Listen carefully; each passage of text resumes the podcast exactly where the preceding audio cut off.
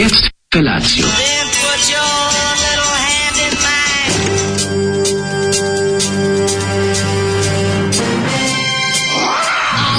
Grupa roznojenih mladića trči po studenom vazduhu pre zore. Alarm! A ima da kane, nema problema.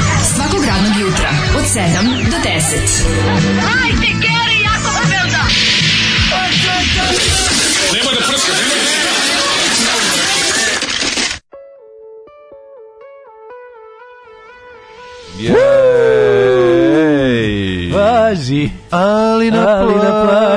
legendarni Zolijevci stari. Jeste, jeste. Abrakadabra. Grupa Abrakadabra sa albuma. Majstori, sa albuma Da zgazim dan za genijalno, diskus. 88. izašao, to je bio drugi razred mladine. Genijalno. Mislim i da sve što je bio kakav biser postoji u Župskom Aleksandru. E, da je neko iz da sam imao rođak iz Župskog Aleksandru, pa, da, pa- vjerojatno bi mi pa skiglo da, da, da mi da. Pa da, da im pošaljem otrovu Andraksa u pismu. Da, da, da im pošaljem ploču, a njima da pošaljem da, ove, nuklearnu boje u glavu kakav, kakva ploča, čoveče, ljudi jeste, moji. Znači... Jeste, jeste, ploča koja sadrži sve. Ako bi morao, morao da biram, kad bi rekli, ajde, odaberi koja je najgora zolijeva ploča, sve, onako Abra, sve. Abrakadabra, da. Verovatno bi to bio, ovaj, da zgazim dan album ja grupe Abrakadabra. Ovo je treća pesma koju nam je pustio. Da. Prvo smo slušali... Ovaj, slušali smo Lepi Flamingo. Lepi Flamingo, važili na plaži, važili i sad već hita Rialda. Rijalda, da, Tu su da, još da, da. i Ariana i Da zgazim da. dan i ostali da. hitovi, ali Slušali ova, smo i Da zgazimo dan. Ovo je nekako naj... Znači, ovo su tezgaroške emocije. Yes. Znači, koliko su dobri, pogotovo to što mi ovaj što svira gitaru, neku šiljatu crnu žutu, podsjeća Pa on svira nekog Jacksona, a a ovaj svira Rickin Bakera. I jako tezgaroško, jedno i drugo. Naravno, I ja Rickin Baker i to te peče, naravno, to nije u redu što pa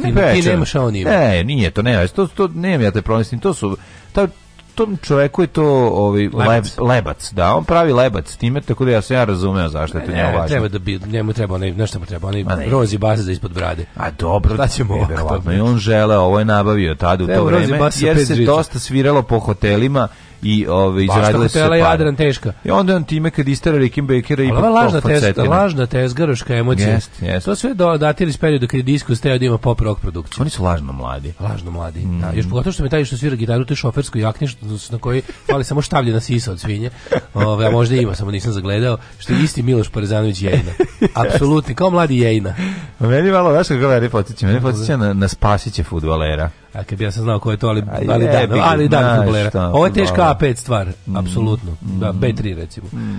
Ove, uh, e, pa kaže ovako. Ali Real da je kao poput crnkinje, mokra Znam ja da smo mi u žalosti zbog izbora, ali izoli ga sad baš preter. Ne pustite ga, jednostavno ovaj divlja, lud je, zaljubio da se, proleće je, zaljubio kod se. Kod njega izbori ne postoje, mislim. To on kaže kao, to je, to je za vas luzere da se igrate, kao mi je pravi rokeri, mi živimo drugačiji život, paralelni svet. Da. Za nas ništa to nije važno. Uključio sam se kasno i nisam čuo pesmu. Bi se da pustimo ponovo? Ne bismo da li pustimo ponovo, naravno. Ne bismo možemo ti otpevamo. Postoje ljudi, postoje ljudi koji tempiraju, postoje ljudi koji svoj sat poput tempiraju po tome da ne čuju Zolija. Da, I ne da, možemo da. sad njima da uradimo nešto. Sreće, se povremeno ih zajebemo. Sreća im počinje tako što preskoče. Ono srećan dan im počinje tako što su preskočili Zolija. Au, kaže ovako, Snoop Dogg dolazi jer Čeda Čorak se nije povirio s pevačicom, da je ono juče svadba. Ovaj, e, kaže, slušam podcast od ponedeljka, da, Hate, potpuno si u pravu, ne razumem mlađin optimizam, a vratio se optimizam podala. Um, kaže, dosta bre, više s tim krivno Mučić, krali su kme, kme. Ljudi masno zaokruživali Mučića bre za predsjednika. Gomila ljudi nema šta da jede, opet njega zaokruživala. Ovaj kaže Amsterdam i ćao đaci. Vaša borba je nerealna i beznadežna. Umrećete ovde ni za šta. Neček se mora umreti, apsolutno. Ovaj Brati idi u Amsterdam, evo te šta, ako niko mi mi te podržavamo u tome. Evo ti da se, ovaj kako se zove, da misliš da mi se da što ovde imamo optimizam, mislimo da ti ne treba da odeš. Pokret optimizma idi, pirosi. Brate, se, sam, sam se pirosi, pokret, pokret optimizma. optimizma. Da, da. Ne, da, ne, da. ljudi, kažem vam, kad smo malo bolje razmislili, nije, nije, ovo su, ovo su, ovi izbori su napredak. Koliko god to delovalo da. loše, izbori su napredak, u odnosu na što je bilo, nisu napredak ono što smo imali nekada i kako smo živjeli, ali u odnosu na prethodna dva kruga izbore su napredak, jebemo sunce, na, da. kljakavali napredak. Mm. Ovaj kuropodi s obzirom na nedeljno blavorisanje, može li makar neka mini anketa gde emigrirati sa porodicom i zašto? Pa u Švedsku, Švedsku. Zašto? Zato što je loše tamo bolje, da. a emigrirajte u Skandinaviju, da, da. Evo, Holandiju neko dao predlog. Holandija je isto odlično. Australiju. Ja bih ga ne znam za Australiju. Za Australiju ne znam zato što nemam, ne, ne, ne, nemam iskustva. Ne znam šta da kažem. Da Australija i Amerika. Ja. Da. Ove, um, šta sam ti teo kazati? Uh, E, kaže, Amerika može... svakako dva. Kanada, zašto ne bismo, zašto kada razmišljate, zašto ne bi tak razmišljali? bi Kanada. Tak Kanada. Kanada. što recimo ne Kanada? Zašto ne Kanada? Znaš bre sigurno ko je spasić fudbaler, onaj iz albuma Italije 90 što je proćelo. Pa da. A, ove ljudi, ja ja pojmem kako sam došao danas, znači ovo je tako curenje, imam slavinu u oba oka, imam u nosu slavinu, čini mi se da mi malo curi iz ušiju, ali nisam siguran. Znači, kako curiš piše, a ti ne curiš pišeš, ja, uvek dobro. E, a znaš kako znaš da je loše? Znači, pri, e, ja inače, inače ovaj, kako se zove, kad šoram imam ono sand blasting mlađe. Kad šoraš Lucifo i KMG, kad šoram ne zastajkujem i da. šolju da. razvaljujem. Da, a e, sad? E, a sad, kad si ovako prehlađen kod đubre imaš ono pritisak kao, e, Aj, uh, kao na 12. spratu ovaj, da, u soliteru. Da, znači, znaš kad je potpuno onako... Curkaš je, eh, onako sasvim da, onako da, katastrofa. Da, da, e. da, Ali što curim dobro čoveče, znači slavina pokvarena mi je na nosu i dve na očima.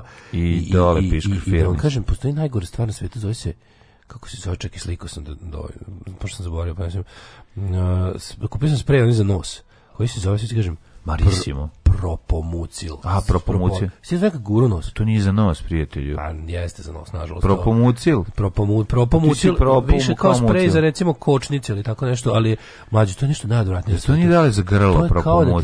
Kao da ti se neko, nije, kao da ti se neko israo u obe nozdrave. Pa, pa znam šta je se, Kao da neko uzu govno i palio. Ali čekaj, čekaj, čekaj, zar to nije neki... Propomucil za nos ima rasta. Pa, da, na da. pro, propolis neki. Da, sa propolisom. Nisi baš propolis u nos? Ma, to, to sam jednom doživio, to dosta, dosta zajebano, znam, znam. To je nešto, znaš kako izgleda, kao da si... Kao ja da e, išu u Banacku Karadžorđiju da mi to čovjek uradi. Kao da ti je neko kapao ovaj, da, da, da. spaljenu plastiku u nos. Yes. Dišeš neki, ono, A nije, ako recimo dišeš, živite, ako živite u mestu med, koje ima dobar, dišeš med. ne, dišeš med, mlađe grozno i groznije, znači ne, nema ni malo meda. Med je onako drugo nešto, ovo je ovo je kao, kao vosak sa svećane slavske nagurano nos, onako baš, baš smrdi majkom jebem. I sve ti dugo smrdi. Teški Đorđe Balašević, pola, kao vosak sa sveće Pola flaše sam već zgurao u nos, ono, ali je ovaj, katastrofa, znači onda Hitler i Max Luburić to napravili kad se povlačili ono, zadnji dan su rekli, daj da zgorčamo čovječanstvo život, još malo napravim propomucil. Pa ja znam za propomucil sprej za disanje koji se guta a ovi što se trpa u nos, ne znam, znači tebe zabavali pa apotekari pa ti dali. No, ajde, vidite. Ne, ćemo. pitao sam baš apotekaricu da mi neki. Kaže ona je za nos, baš za nos debeli, baš, baš za, za nos, nos debeli. Kaže, kaže, molim te, ex debeli rekla. Da, baš za nos pošto, ex debeli. Iako me nije videla pre. uh, jutro je ladno, e ja sam ovaj A nije baš tako ladno, je pa, ladno. Kad si prelađen kod đubre, onda ti onako, da. znači kad sam došao stavio i pretvoza. Onda mogu si reći bolestan sam ostao kući da ne radim. Znači, znaš koliko sam bio blizu? Pa što nisi A sam bio u fazonu ja ne ču, čuvam za kad budem jače bolestan. A kad ćeš biti kao šta znači jače bolestan, da ne možeš. Meni je uvijek žao da kad kao znaš, žao mi kad osetim da bi ipak mogao da ne dođem, razumeš? Ja sam ono ustao, bole me zglobovi, bole mišići, boli sve curim i kao a ipak sam ustao, kao da. znaš. A ja kad ne mogu da ustanem onda zovem pa kažem ne, ne, ja bi ga ne mogu. Ono. A šta ću kad sam, znaš, tako sam... Ma pa- ne, ne, ne, jaka, jaka radna etika, ne, ne, verovatno. Na, na, na, Znao da ti si spavao ovo jutro. I meni se još više spavao. Da, da. Ali sam bio u fazonu, ono kao, ajde, bit će mi sigurno još gore. Znam, ali ćeš tako, kako ne sataš, jako je važno ostati kod kuće nekad, zato što će ti onda organizam se lakše oporaviti. Ako ćeš ovo da vučeš i da radlačiš, ne radi se uopšte o rađenju i ne rađenu, ti znaš da sam ja udarnik i ja uvijek dolazim na posao, ja ne primim pitanje o tome. Kad sam isti takav išao sinoć na futbol, maturi, Pa ti si znači, debil. Ostvario pa neverovatno. A nisam njen fudbal propustio. Pa znam što si išao bolestan na fudbal da je ostale ljude zaraziš. A nije, nije to zarazno, to je. Pa znam. Znaš, da se preći preksić smrza, da. Znam. Pravo, da, ona ona klajklasičnije moguće prelada, mm, onako. Kad te prevari ovo vreme. Debilčina, ono se obuko za dan, a ostao do kasno uveče o napolju. Ispičio se. I još kao, sad ću da šetam, ku jebo me bre zdrav život, od kad sam krenuo zdrav život, sam sam bolestan. Da, spičio se, spičio se. Ajmo.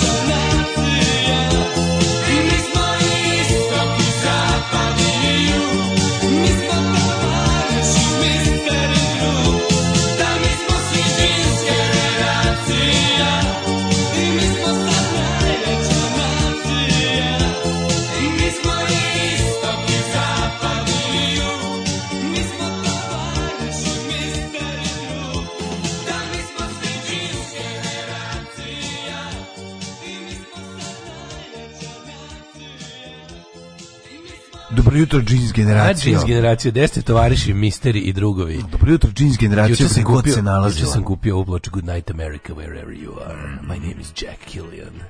This is KJCM.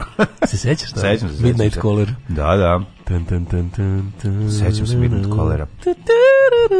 Muzika. Ali ja ipak više volim uzemljeni kako smo kod noćnika. A pa on je bio njegov, nekako ja mislim da je, da je Jack Killian bio njegov ovaj kako bih rekao uh, američki tako u, američki uzor da. da. da kako se zove Vojin Vojinović, tako Vojin Vojinović, da, da, da. da. Ja čudo da on umro, sam u vozu. Da nije, nije mi zanije. Nije sam u vozu napušten. Ne, ne, ali svi to pričaju. Ali imate na YouTube-u, ako ste baš jako dokan, imate jednu epizodu usamljenika. Gospode Bože, to, to moraš da vidiš, ne, uopšte ne možeš da veruješ ta montaža, ta njega koji šeta koji bio kroz Beograd i čita. To, to se vidi baš da je on bio Gari sa Mitrovićem, pa mu ga ovaj pustio, razumeš da tu gnoji u toku noći. Da, da, da, da, da. Nije, oni su drugari, pa što je taj, to je njegova ona iz, iz Željkovih Pink radio dana, onaj Pink studio pa, dana, ono pa da, da, da, kad je kao bio to, da, da, da. kao bio sotsko alternativa. Mislim, mm. nije to mm. bilo nikad alternativa, nego taj neki, ja, bi, kako to da nazovemo. Bio je polu rock. Stregao da sam našao pre jedno godinu dana onu kao listu e, nezavisnih izdanja na CD-ima koje uvozi Pink e, kompanija Željka Mitrovića, Damned, Cramps, iz 90. To je on izdavao. On je bio uvoznik, uvoznik on je da, bio da, uvoznik da. originalnih CD-ova za 4AD, mm -hmm. za Big Beat, za Ace Records, za Epitaph, za ne možeš da veruješ šta je sve uvozi Željko Mitrović. Da. Izdavačke kuće sve koje mi slušamo. Da. To se Taj baš bio fazon da god mogu dinar uzeti uzeću. Da? Pa zašto Jul, mislim, on je bio Jul. Ali to još pre toga, to je još pre toga, 90. Znači ono SFRJ zadnji dan, on zlat najbolje godina SFRJ. Pa da, dobro, ali mislim bio je nekako rekao bio je na izvoru, ono, ne znao je. A, ne, što je najgore tad nije bio, tad je bio baš mali privrednik. Pa tad je bio, mislim tad je bio, tad je bio Željko iz Rockers Sporava. Željko i sa Željko sa, sa studijom, pa sa dobro. studijom kod kog snimaju i punk bendovi mali demo i ono. Da, Pink da, studio da, je bio da. jebi ga studio, ko Matrix. Da, da, da, da, Znaš, da. negde mora početi. Umro je Vojin Vojinović, bio mi je komšija. Eto. E, ovaj, direktno iz Burek Plusa i dalje brutalan 400 grama, spreman za dan. O, bravo. Ove, ovaj, da ne bi zaradio dobrog mlađu, podkazđija mora biti zdrav, biti zdrav, brat, biti zdrav, i šta ćemo sad? E, ovo Zoli radi preko vremena. Molim da se neki to vole vruće ne stavlja u kategoriju bilo čega osim genijalština. Juče sam kupio ovu ploču. Aha. Koliko sam srećan čovječe. Ma dobro mogu si možda da preskočiš. Ne, ovo je odličan album. Jel dobra cela? Pa brate, Jugoton, Jugoton zalog kvalitete. Eto kako je dobra ploča i to je ma, ma, kako su ostale pesme pa tu znaš sve pa tu su ti i ovaj teška vremena prijatelju moj i šta će taj čovjek tu da, da, da, da mrzim njega oj hodni da apsolutno znaš sve puno hitova da, što bi se ono jam packed with hits nothing mm. but mhm. hits bitch ali kakvi su oni njuške ja to ja to kad pustim mlađu meni je meni je dobro. Gde ti, ja, gde su ti, razumijem skroz, gde ja su ti članovi bi još svirali? Pa nisu, oni su Samo band, jebate, oni su band koji oni izdao šest albuma, oni su svirali 15 godina. Kako se meni njih probao? Oni su nastavili, oni su nastavili posle raspada Jugoslavije da svirali Hrvatsku, samo što mi posle to. Ma imali su oni još neki tako hitova 90-ih manjih ali ovi neki pa kakva noć ludilo na to kasnije malo. Da, a nije to, nije to, to isto. Pa to je neko 88 9. A dobro, a ali Jugoslavija. Da, da, da, da, to je isto da, da Jugoslavija. Da, da, Tako ne. da apsolutno, kako da kažem, to zvuči isto kao moderna muzika tog doba svetska, yes. po produkciji, po svemu. Jeste, pravo si. Milina ti nekako, ja, a ja kad to čujem meni je meni je dobro. Meni nekako drago. E, kako mi odmah pravo si. mi znaš, ta pravo druga polovina 80-ih. To što tebi stvara ovaj band, to meni stvaraju novi fosili. Taj osjećaj sve kao, sve u redu. A, S tim da je ovo, mislim, malo autorski bolje. Da, mal, malko kasnije. Pa dobro. I, i novi fosili mi to isto rade. 88. imao koliko? 8. Pa, pa, meni su, ovaj, kako se zove, uh, novi fosili isto, to su, oni su možda malo veći još detinjstvo. Ušto sam gledao live Valentino i Renato ovih novih fosila, kako kidaju Znači sviraju kao... Kako Zet cepa? Ko blondi bre sviraju. A kako Zet cepa? Dobre gitariste Zet. Ovo dobro gospodine. Gospodine generale. E, u Pink, Studio je snimljeno, i, i, i, u Pink Studio je snimljeno Rimtitu Tuki. Pa, Rim Tuti Tuki. Pa, Rim Tuti Tuki. Rim da. Tuti Tuki, ceo slušaj vamo snimljen tamo. Mm. Da, da, da, da, da. Baš mi je moderna priča. Mhm. Meki to vole kruće.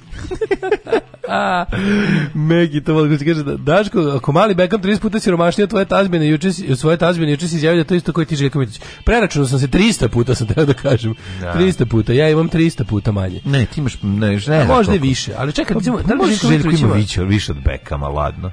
Nema šta lupaš. Pa šta, pa šta nema? Pa ne, ne, to je taj red veličina, ne može onda ima Joj, nemoj. A mađo ne može onda Pa naravno da može. Zato što Putin može da ima više od bilo koga. Dobro, Putin može. Željko pa što si u jadnijoj zemlji može. Željko Mitrović nije ni u prvih deset najbogatijih ljudi u Srbiji. Jest. Nije, nije, nije. Mac, nije, nije mlađo, razmisli malo. Znaš šta mi imamo čoveč, kako mi imamo bre, ono, ozbiljne, ono. Ja misliš mislim, mi kao zemlja. Pa ja mislim da je blizu Miškovića po bogatstvu. Nije, nije blizu Miškovića. Činite se, ipak on je, on je veliki dužnik i sve, on je više onako, okej, ima on para puno, ono što više što, ali nije, mislim, Željko Mitrović lično ono kao i metka, da, da sto ne, neki kao jednocifreni milioni evra u pitanju, ja mislim. Mm. Ja mislim da to to, mislim kao... Pa dobro, ovo ima 130, koliko? Ovo ima 32 miliona funti. Oko? Nije ono, pa, pekam. Mm, a to je to je ne, to isto ne može biti tačno, jebote. Znaš koliko Beckham zarađivao ono, on ima obrio ono fudbalersku platu, jebote, u A trošio, koliko dugo propio igrao, se, propio se. Koliko dugo igrao, čoveče, pa stalno, on je sve vreme dok igra jako veliko. Pa tro propio se, kockao. Nije prošlo mnogo. Trošio alkohol. Otkud znam, ja šta, pa nije da zarađi, pa nije zarađivao milione, mislim, zarađivao je možda, ali supruga, supruga, ove, Kaže, isto dobro zarađivala. Kako Pesma, naježila sam se od glave do pete sunce. Supruga zarađivala jako puno dobro, isto i dobro su oni živjeli, ali kažem ti, Željko bi mogo da ima 30 miliona dolara, zašto ne bi, da ne bi, ne bi, ne bi, nema toliko Željko. Znaš šta, Željko ima, Dobar. imaš onu kao, na primjer, da. kao ja sam mislio da recimo Pink Pinker komplet njegov, ali nije Pinker je ono, Pink Pinker je nešto drugo. I te sve njegove Pink Pinker da. Te sve njegove on je jedan onako Jeste, pravo, on živi on živi na on, on živi na kredit zapravo, znaš. A, pa dobro, on je on je on je, on je država Srbija, da, tako to da je tačno, njega to je ćošak, to je tačno, ono. ali pa opet kažem mislim da ima na nekim kajmakčalanskim ostrima verovatno ima puno para u nekom šteku. Ste primetili kako kurir svaki drugi dan ima tekst naši loše žive napolje. Juče bio Dubai, neki dan da. Nemačka, Švedska, ono pa da, pumpanje da, pa naroda. Da, ono. pumpanje narod. Apsolutno. Ovaj život napolje. Ne može se ovaj. izdržati život napolje. Onda nađu jednu porodicu koja se jebi ga od 50 koji su otišli, jedna se vrati, naravno uvek ima nešto. I onda nađu tu jednu policu, pa tako i Simo Gajno, onda kad je razvlačio neustralijance ako se sećaš. Pa brate, ne mora da nešto izmisli. Ne, pa ne, ne da- mora, da. pali vrati može, se je, ali može skroz da čekaj, da izmisli. stani. Ako od 50 se vrati jedna, o čemu mi pričamo? Ako se od 100 vrati jedna, o čemu mi pričamo? Mislim, ne, ne, pa kažete, oni ne moraju... Pa normalno i da se vrate jebote. Simo Gajnje, u razlika što Simo Gajnje čak ono teo i da nađe. Ovi da on samo izmisli. Neko ne može bez one vode iz ovog zraka i to je to. Jednostavno ima ljudi koji ne mogu probaju pa se vrati. Meni je tužno što ja, ja razumiješ kad pričam tome, dok teram ljudi da odlaze, ja, ja kapiram da ja želim da živim samo u Novom Sadu, da tu želim da živim. Vola bi da mogu da i da budem gde hoću kad poželim, ali ja volim da živim ovde i želim da živim pa samo Zato ovdje. ti voliš svoj Novi Sad i celu Vojvodinu. Vojvodinu, ja, i zbog je... tebe vošo, bit će i neredi, ti samo igra, igra i pobedi, jer na južnoj tribini našao sam ne. Da. novidom. To dok još ja bilo, dok, dok, dok su bili na malom jugu. Ja sam više, ja sam više mam, lokal ja sam išao na vožu dok su bili na malom jugu ja sam po lokal patriota, ja sam više u fazonu uh, jedem, jedem luka i slanine, indeksov sam simpatizer. Znam. Da. Ove, dobro jutro, kada končalo jutro, bilo za kasnije ustati, ali ja ipak više ne osjećam gorčinu porazu. Pa nije ja isto, nešto se pregrupisao sam se, pa mi je malo bolje, uvetilo me neka opet. To je dobro, ja volim tu svoju osobinu, to je da mm. ono znam da moram da iskukam kad treba, ali kad prođe, onda sam spreman. Kao Rambo vežem traku oko glave, Tako stavim je. dve granate na pojas, zabijem nož u, zabijem nož u nogu. U, no, u butinu sebi greškom pumaste u korice i krenem, i krenem, i krenem kod lekara. Ove, ovaj, nema, on, nema Mitrović toliko para, on samo pravi sliku sebi kao da ima par. Klasičan džiber Beckham ima više od 30 miliona sigurno čovjek zarađivao nenormalne pare. Suvlasnik futbolskog kluba u Majamiju zaradio milione samo od futbola, od reklama do 10 puta više. Ja sam što da je Željko Mitrović samo vlasnik Srbije. Da, da. Ali, da. Kaže, započeo si sportsku karijeru, ne može tek tako da se napusti, a balon još nije prešao u letnji mod. E, e što bilo, juče bi najbolje. letnji mod balon skida se poklopi. Ja, mislim, ja mislim da se balon skino leti na tim igralištima, zar ne? Gde se stavi, matori? To, to, to, je to ti kao cirkuski šat šator. Da? Nije, to je plastično. Pa da, ali pa, cirkus šator je plastično, to je taj materijal. Znači, ono kao, ovaj, to je kao cirada. To ti je malo deblje cirada. To izgleda kao da je, da je ono presečena flaša na pola i da vi igrate ispod flaše. Pa znam, ali nije tako, to, je, to je onako mekano mislim, možda mekano, da. srola se kao mušema je. A kako onda stoji? Ima žicu unutra? Pa vazduh, naduva se. On je bukvalno naduvan. Njega, njega duvaju oni, kako se zove, imaš njega drži vazduh. Ma duvači koji ne igraju fudbal. Ima duvava se, da, piči vazduh iz toga. Znači šta, lepak i duvaju ili duvaju u travu i duvačka sekcija, ovo sekcija. Jovan Mesić, Jovan Popović više nije Jovan Popović, Jovan Krstitelj. Je, majko mila kako. Kako strašno. Kako strahota. Kako je malo zanima ko je pokrao sve te kubure i rimske naučiće koji su bili tu, to su 90. E, ima ima valjda to, to su e, vas konili, samo što su sad stavili taj pokradeno je to. Pa Ćošak za molitvu, ono. Što ti kako izgledala ta škola? Beckham i žena 500 miliona net worth, čoveče. Eto, 500 miliona. E, Pinky u jednom trenutku dugovo 4 miliona evra poreza. Ljudi, on to duguje i sada, da se razumemo. Ma da, on će on, On će veći to dugovati. Mislim, u tome je njegovo bogatstvo. Da. Njegov nije bogat ko puno ima, on nego onaj ko ne vraća, ne ko ne mora da vraća dugove. Bogat ili ništa ne plaća. Pa ne znam, nije ovo lepo rečeno. Nije da. bogat ko puno ima, je bogat je onaj ko ne mora da vraća dugove. Da, tako je. To je jedna od definicija. A kažete, juče bio najbolji termin. Kako smo dobro izginuli. Ove, ovaj, na kraju dve partije pobedili mi dve partije oni, ali što je bilo akcija. Kažem, mi dao gol. Nisam dao gol, ali sam bio, A, piču, bio sam instrumental. A, više, ono, ne mogu da trpim. Nema, bilo je malo golova, znaš, bilo je malo golova. Pa znam da je malo golova kad ti igraš, a malo stvarno treba si, ono. Bilo je jako dobro. Dajte mu više. U žaru igre smo ostali pet minuta duže na tuđem terminu. Boki, Poludelo dogovori, se. dogovori. Poludelo se, matori. Molim te, Boki, sredi tamo nek da gol. Znaš kako bolje sve izgleda kada on da gol srećni. Ne, brate, ja njemu sredim da da gol što ti si pikseta, da, on je... Da, je rad, razumiješ. Ne, ja sam zagišao, da on je pikseta. Ne, ne, ne, pikseta oh, je centrisao. Bina centriši to nema veze. Piks, Bina centriši Bina da vo, Pikseta je uglavnom bio taj koji je centrisao, jer je on Bina je centrisao. Dobro, Bina okay. je centrisao, pa Piks je davač golova, čoveče. Piks je igrač sredine terena, davao je i golove, naravno, ali je znao i jako dobro da uposli ali, drugog, da dago, izra... da gađa pančeva, onog malog centriši. crnog držte. Fraza je Bina okay, centriši. Okay, dobro, e, Beckham je dobio samo 200 miliona da ode u LA, plus plata, plus reklame, plus premije. To on kažem, ovo mi je kod Željko Mitrović. Svaki balon u kom ti igraš postaje cirkuski šator. Živio naš dobri kondukter! Živio! Alarm sa mlađom i Daškom.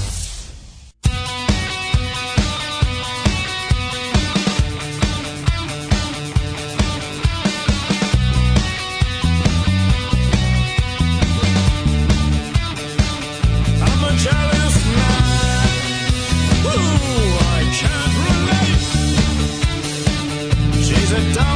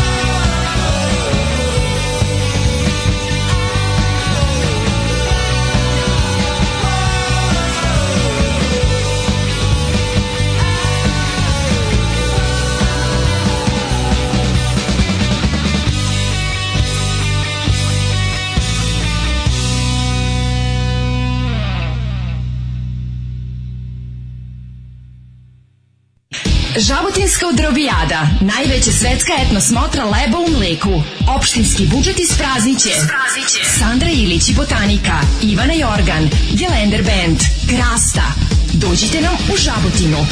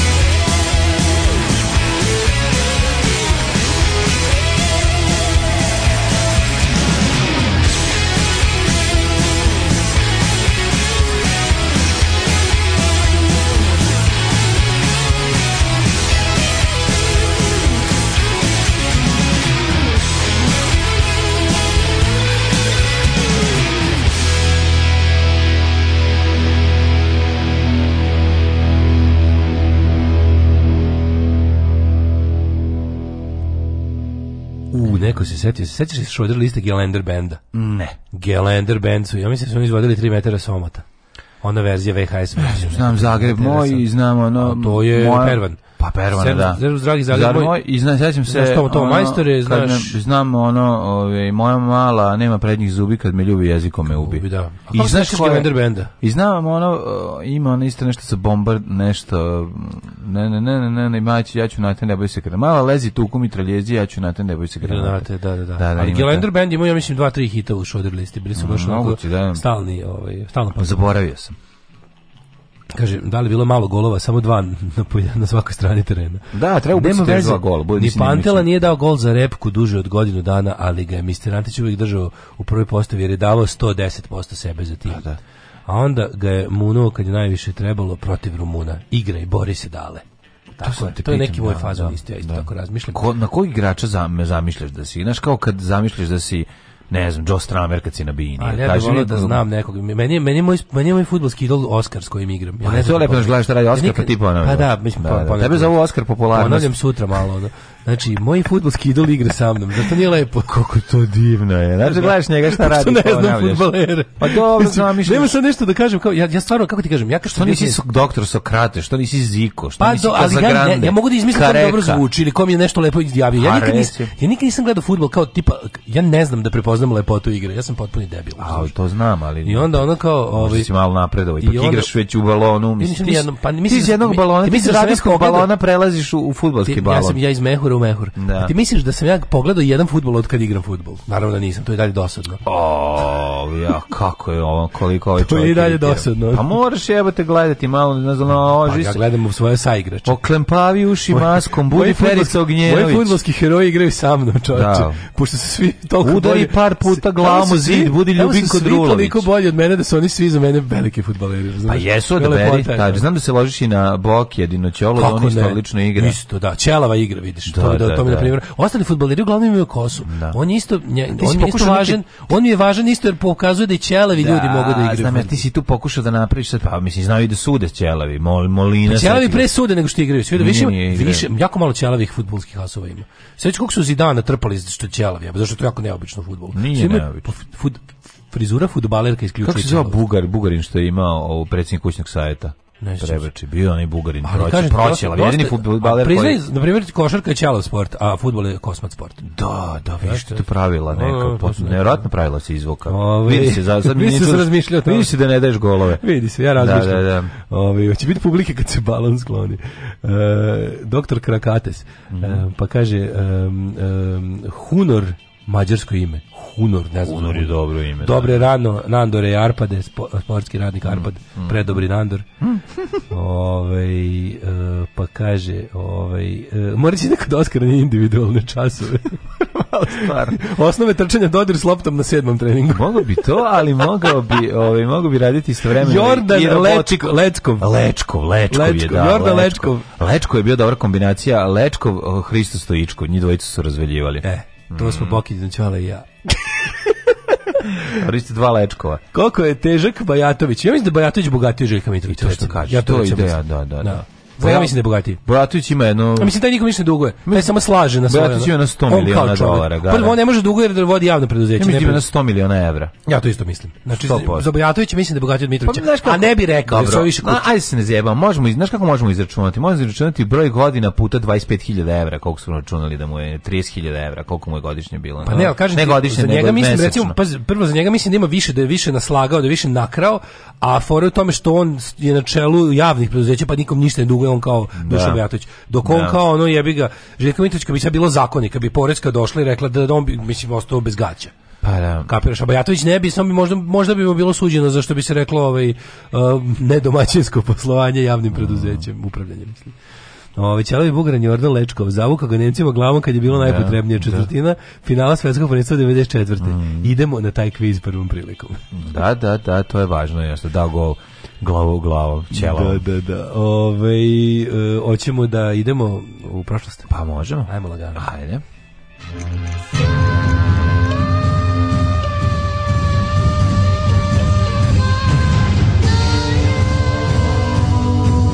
Dogodilo se na današnji dan. Lečkov, lepi dečkov. Nikom, to mani Kevan je rekla.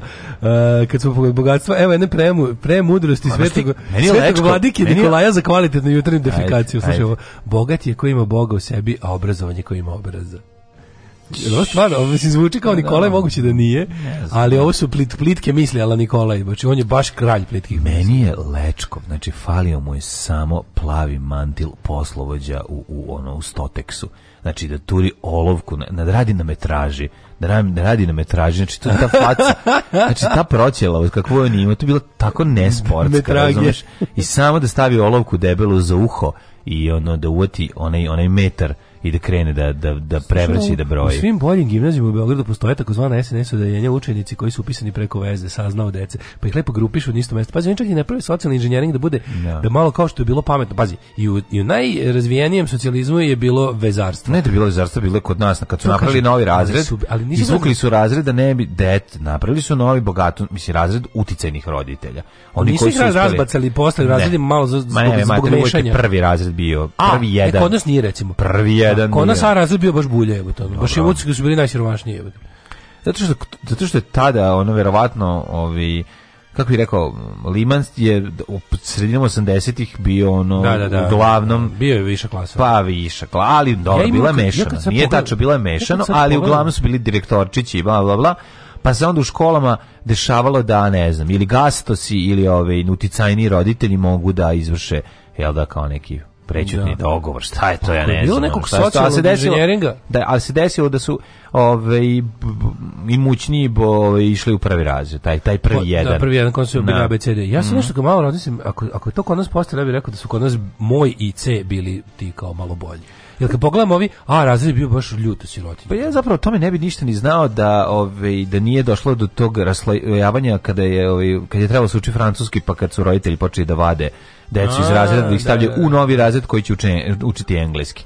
I onda su iz, iz našeg razreda pre, prešli ovi prešli neki dečaci. Naravno ni oni nisu to znali, to su im roditelji namestili, mislim, nisu bili srećni ono, na. Da. Ja sam crossover između Jurija Đorka i Franka Lebefe. Mhm. Šta je kurati fudbaleri šta to?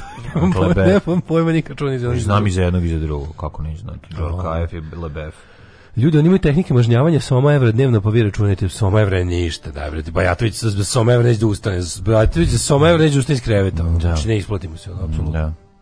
Ove, ovaj, e, eh, Jordan Lečkov i Trifon Ivanov, Daško i mlađa internet radija plov, Plovdiv. Mm -hmm.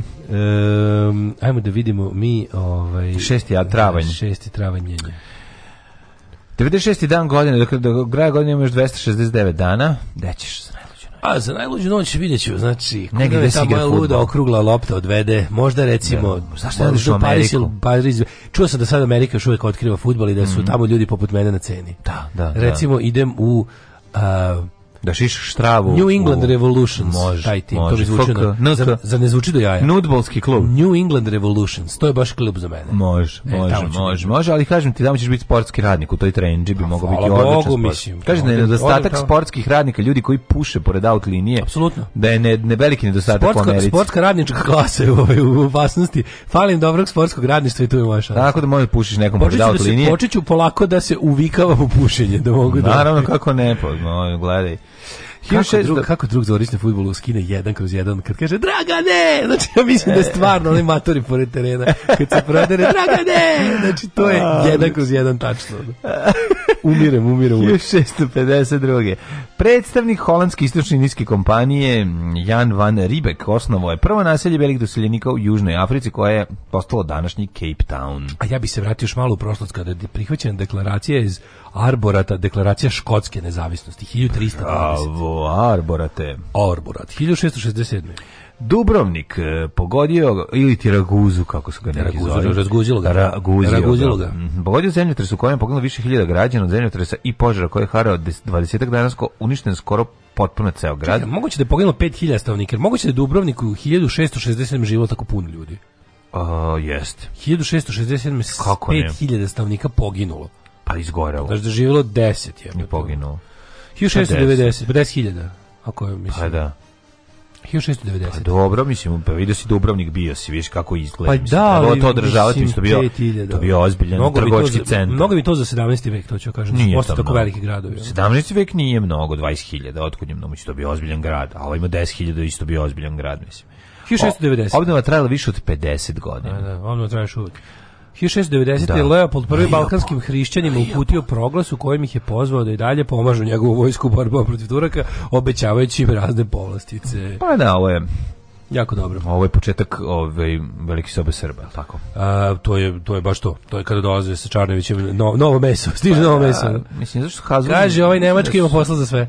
Habsburg, Habsburg su zbog svojih ovaj, E, problemom, da li se Lujem 14. ili ko je tad bio aktuelni ovi, kralj Francuske, ali znam da je ovi, da su morali da premeste um, polje rata na drugi deo tla, tako da su onda morali da Turke puste nazad, iako su 1690. Da. uspeli i da spale Sarajevo, da siđu dole, do, da osvoje veliki deo ove, turske teritorije, ali su morali da se povuku i zbog toga i zbog saradnje jel tako sa ovaj hrišćanskom vojskom Srbi su morali da krenu u povlačenje od straha od odmazde Turaka a ovaj poziv im je još više dao ovaj vetar u jedra i tako su mnogi od naših sunarodnika završili u Mađarskoj na teritoriji Mađarske ove, jedan od tih centara je Sent Andreja. Hvala puno na ovom prelepo, ovo, prelepo, prelepo znači, izlaganju. Prelepo izlaganje, mnogo sam toga naučio. Hvala vam, dragi čovječ, što si mi dao priliku. 1782. kralj Margarina Rama I je nasledio tajlandskog kralja Taksina. Rama Započevši čakri dinastije, da, Rama Margarina. Rama Margarina, što babu.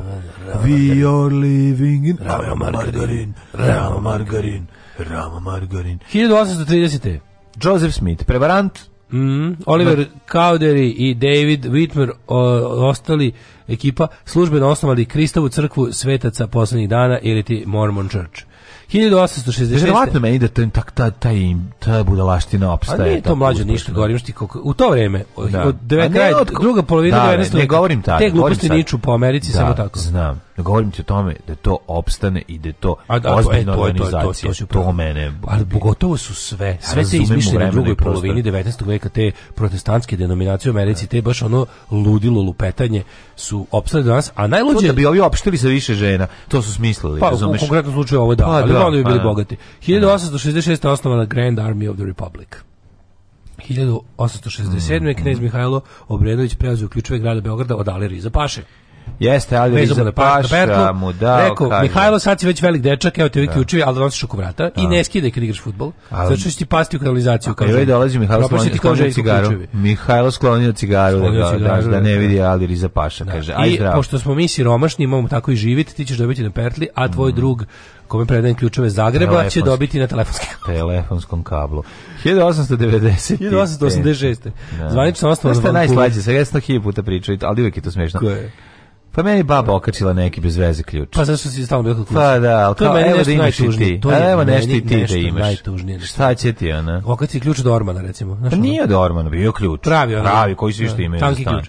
Pa da, samo što je Nije skeleton key onaj. Nije skeleton. 1886. zvanično je osnovan grad Vancouver. Mm -hmm. He, Vancouver i ja bacio Vancouver i osta tamo. Iste godine kad je prva transkontinentalna pruga stigla do grada. It's a slapper. Nego šta je? A sledeće bilo ja majka, a ja i majku. I 1895. Ajmo dalje, nastavi, razbijaš danas. e, i na kraju kaže Haiti, rekao Haija i iskoči mi ja. 1890. Dodaha, Junuse, moj dodaha. A, ne može. Oscar Wilde uhapšen u Londonu zbog dela velike pokvarenosti. Dela velike pokvarenosti, davo ljudima golove kroz noge. Davo im veliku pokvarenost. Mm što sam juče proterao najboljem futboleru kroz noge loptu, to je bio spektakl. Znam, dao sam 500 dinara. Hvala ti, dobro si čovjek. A vidim da nešto čudo široko išao sve vreme. Da. Ajde, pogodi više. Pristanu ljudi za različite pare. Ja, e, Mnogo ste dobri što vi mhm. pravite mm -hmm. to. 1896. prva olimpijska pobjeda na modernim, oj, James Connell je SAD u troskoku uh, e, 13,71 metar. Jebote, troskok je ludilo. Voliš troskok? Triple jump. Mm. Me nervira troskok. Zašto? A ne da. znam, nekom nervira, volim skok samo. Troskok me ono kao kad krenu... Da- jednoskok se kaže. Jed, ili jednoskok. jednoskok. Majko mila. Ove, ovaj, loaded Weapon 1. Mm. E, 1900... De, e, čekaj, ne, 1907. Može. Završeno sedmo, ovaj, kako se zove, e, svetsko prvenstvo u šahu. Igrali su Marshall i Lasker. E, Lasker. Pobedio Štajnic. Štajnic pobedio. pobedio Lasker. Došao, došao Štajnic i pobedio. Ne znam kako igra pobedi Štajnic. 1909. Američki istraživač Robert Piri osvojio severni pol prešavši sa ekspedicijom na sankama 1600 km. Da, da. Svaka mu čast. A 1917. objavom rata Nemačkoj SAD ušli u prvi svetski rat. Mm -hmm. Onda ove, 1941. Nemačke trupe napale Grčku i Jugoslaviju. Napad mm -hmm. Jugoslaviju počeo bombardovanjem Beograda. Tako znamo, u 6 sati ujutru krenuli su avioni. Bila je nedelja, bio je bio uskrs. E, ne znam, da- ali mislim da nije bio. Možda jeste, Uskrs da. je bio na bombardovanje 44. Sad, da li je bio 41. Uskrs, uglavnom bila nedelja. Bila nedelja. Bila nedelja, ljudi su spavali, i ovi da. su ovi pa ni bombardovan samo Beograd bombardovan i Novi Sad da. bombardovan i bombardovan rekli smo da je taj apsurd da je prva žrtva uh, nemačkog napada zapravo bila Nemica u Novom Sadu u Novom Sadu koja je bila Pogrebne u pogrebnoj povorci i ovaj kretanjem mitraljirao po pogrebnu povorku ovaj, iz aviona i prva žrtva bila Nemica. 1941. etiopske i britanske trupe oslobodile Addis Abebu. Mhm. Eto, jako interesantno da je zapravo Adisa Abeba prva ovaj, predstavnica oslobođena od Koji su oslo, osvojili fašisti pa oslobođeni od fašista. satrli Beograd, oni su ga toliko uništili. Znači, 12.000 ljudi je poginulo. 12.000 ljudi je poginulo. To je bilo baš ono preteča karpet bombinga. Bilo je u mm. fazonu Hitlerove direktive je bilo sravnite Beograd sa Pa da, pa da. Znači neka ono let them suffer. 45. partizani mm -hmm. slobodili Sarajevo. Mm -hmm. Rajvo Saj, znaš kad su ušli unutra u Sarajevo i meni, pitali... Meni je moja, ono, ove... naj, najtužniji podatak da je Vladimir Perić Valter poginuo dan pred oslobođenje. Dan pred oslobođenje, mm, kaka 5. tuga. 5. aprila, ne. 45. Da. poginuo čovjek. E, a ovi, kako se zove, no, upali u Sarajevo, došli do, do, ovog, do želje i rekli kao daćete nam jedan burek sa sirom. Oni su rekli bureke sa mesom sirnice. Pa partizani došli, ja partizani sirom, oni su rekli vratiti se okupatori. Ja ovo živim, ja ovo trpiti ne mogu. ja ovo trpiti ne mogu. Stara zgrada izgorela u požaru 6. aprila Narodne biblioteke Srbije. Užas, užas. Znaš koliko je tu izgorelo ono značajnih Tamo je popularni ugarak. Popularni ugarak. Znaš ti koliko značajnih dok, dokumenata iz istorije Srbije tamo nestalo? Nestalo, čoveče, sve izgorelo. 1985. vojnim udarom u Sudanu smrnut Džafer Nimeiri. Mhm na štrafti, čuveni vojni udar na štrafti u Fruškogorskoj. U Fruškogorskoj ulici kad je Džafer svrgnut. Pogođen u aparat za sladoled. Da, gađali smo u aparat za pa sladoled. Pa zamisli to. U čuvenom udaru svrgnut je Džafer i doveden je Malajac. A nije Malajac, Džafer da i Malajac uvijek ime podeljene teritorije. Pa znam, Nisu ulazili jedan drugom su kartel, Oni su karteli, oni jedan drugi, jednostavno imaju pakt na da. napadanju. Mislim, kugla metak, znaš šta, Malajac drži ovaj, kako se zove, stadion kao strateški da. važan objekat za semenkarstvo, a Džafer drži za kokice sladole Džafer je u svoj izvadio pištolj sa, za ispaljivanje kugli u decu. Mm. Razumiješ, onda on uzme, stavi, mi otvorimo usta, on puca u tebe. Šta ćeš vanilu?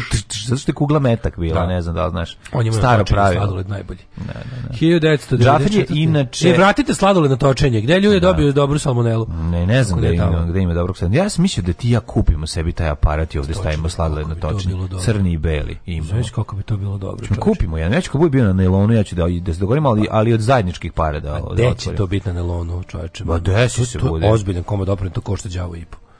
je pa aparat za i po, ali brate, A plus to, treba... ti baš podcenjuješ najlon? Pa znam, ali brate... Svašta bude. Znaš ti kako cijele kuhinje stignu? Zna da cijele kuhinje stignu, ali ovo je drugčije. Ovo je, mislim... Upravo su kuhinje iz Italije ili iz Nemačke. Šta ako dođe da. nešto, ako dođe Italije, možda Italijan može da nam donese. Oni kako se možda zvao? može odvojeno da nam zvao? donese za kako na točenje. Kako se zvao najpoznatiji marka aparata tog za točenje sladoleda? Frigireti frižidere. Mm -hmm. ne, kako se zva, čekaj? Ne znam. Ja sam je u glavi onaj sad, ali mi to... Jesi više voleo kad ima, jesi voleo crno-belo ili si više voleo ja sam voleo kad ima crveno? A, crveno, crveno-belo. Da. Crveno-belo, dobro i crno-belo, čoko, bilo, mislim, bilo je ili tad, nije postalo ništa treći.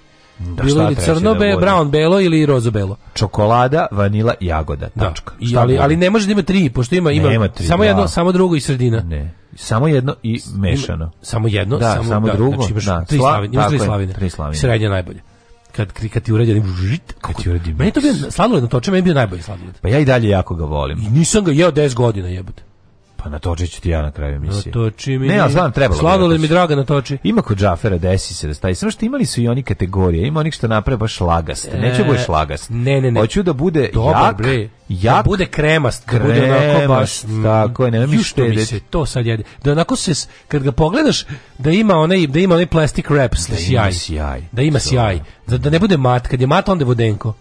A kad je kad ima onako pogotovo se taj sjaj Tako, lepo vidi u čokoladi, sjaj sladoleda na točenje. E, sjaj sladoleda na točenju mm, u književnosti, književnosti čuvena, da, ali da, da. najbolje se taj sjaj vidi na čokoladi. Kako ne? Ima, ali mogu ti reći da uh, nas je ovaj time Džafer retko zna obradovati. Uglavnom je Džafer vrebo kuglama. Uh, I nije ono, gde si ima dobro, kod mal, malajac ima na pa točenju. Ja, ja, ja se zapravo najbolje sećam kod Džafera da je bio Džafer sad kod bude. Džafer sad kad istera, istera taj na točenje. Na točenje, da, da, da. Ja ga nisam video, ja ga nisam video 10 mm. godina kod pa Džafera Ja mislim da on više i nema mlađu. Ja mislim A, ja da sam Zagorki pre, ona bila živa pre tri godine. Ja sam njoj, da. ono, kad se sretnem, uvijek i kupim sladled na taj da, natočenje. Da, da, ali ja sam ne bi znao, recimo, znaš da je bi znao da bude Musa Matori ovaj, u hotela da. Vojvodina? Da, da, da. Tamo je znao da bude tajno točenje. Pa možda, ono, musa, pa je onda bio... Musa što mu na točenje kusam. Musa što mu najbolji kački da, da, da, da. USA sa dopisanim markerom M tu najbolji, najbolji kačket ikada na svetu, Musa. E, uh, 1994. atentat na predsjednike Ruanda i Burundi označio početak ruandskog genocida, majko mila ovo sa ovim lobanjama i kostima. Da. Ne mogu, ne mogu. Tu su Hutu i Tuci lepo podeljeni ovaj, ovaj, od strane ovaj zavojevača davnih dana i onda još ovaj, i rekli e, Braći Belgijanci kad naprave podelu da, to da, to da. stoji. To 800.000 manjinskih tucija uglavnom to, civila. Za 100, dana, za 100 dana, za 100 dana. A računaj da ubili su ih mačetama da i kamenjem. Računaj da uglavnom nije vatrenim oružjem vršen genocid. Znači to je svaka čast ono jebote, jebemo mater ludo. U Kigali osnovan prvi sud za suđenje optuženima za genocid 95. Mm Pa je onda 2001. predsjednici Haškog tribunala predali Saveznom ministru pravde Momčilu Grubaču optužnicu za ratni zločin i nalog za Miloševića. 2003. policija Hrvatske uhapsila Haškog optuženika Ivicu Rajića zbog ratnih zločina u stupnom dolu u Bih e, stupni do to to oktobru 93. Dva mjeseca kasnije Rajić izručen Haškom tribunalu.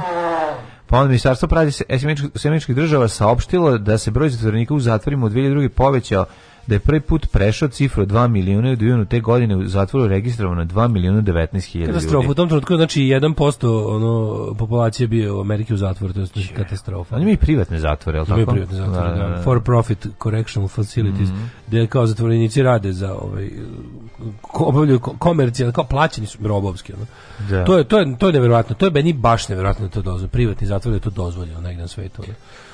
Um, ehm, šestim italijanskim parlamentarnim izborima stranke umrla levica Romana Prodija pobedila koaliciju pod vojstvom Berlusconija. Mm -hmm. Pa je onda Slovenija odbacila optužbe za ratne zločine počinjene od zarobljenim vojnicima JNA tokom rata 91. A bilo ih je? A bilo ih je, naravno. Mm -hmm. Mislim, kao, kao i ono, mora, svako od tih da, republika je trebao jedan ono rat da bude ugrađen u temelje, u legendu.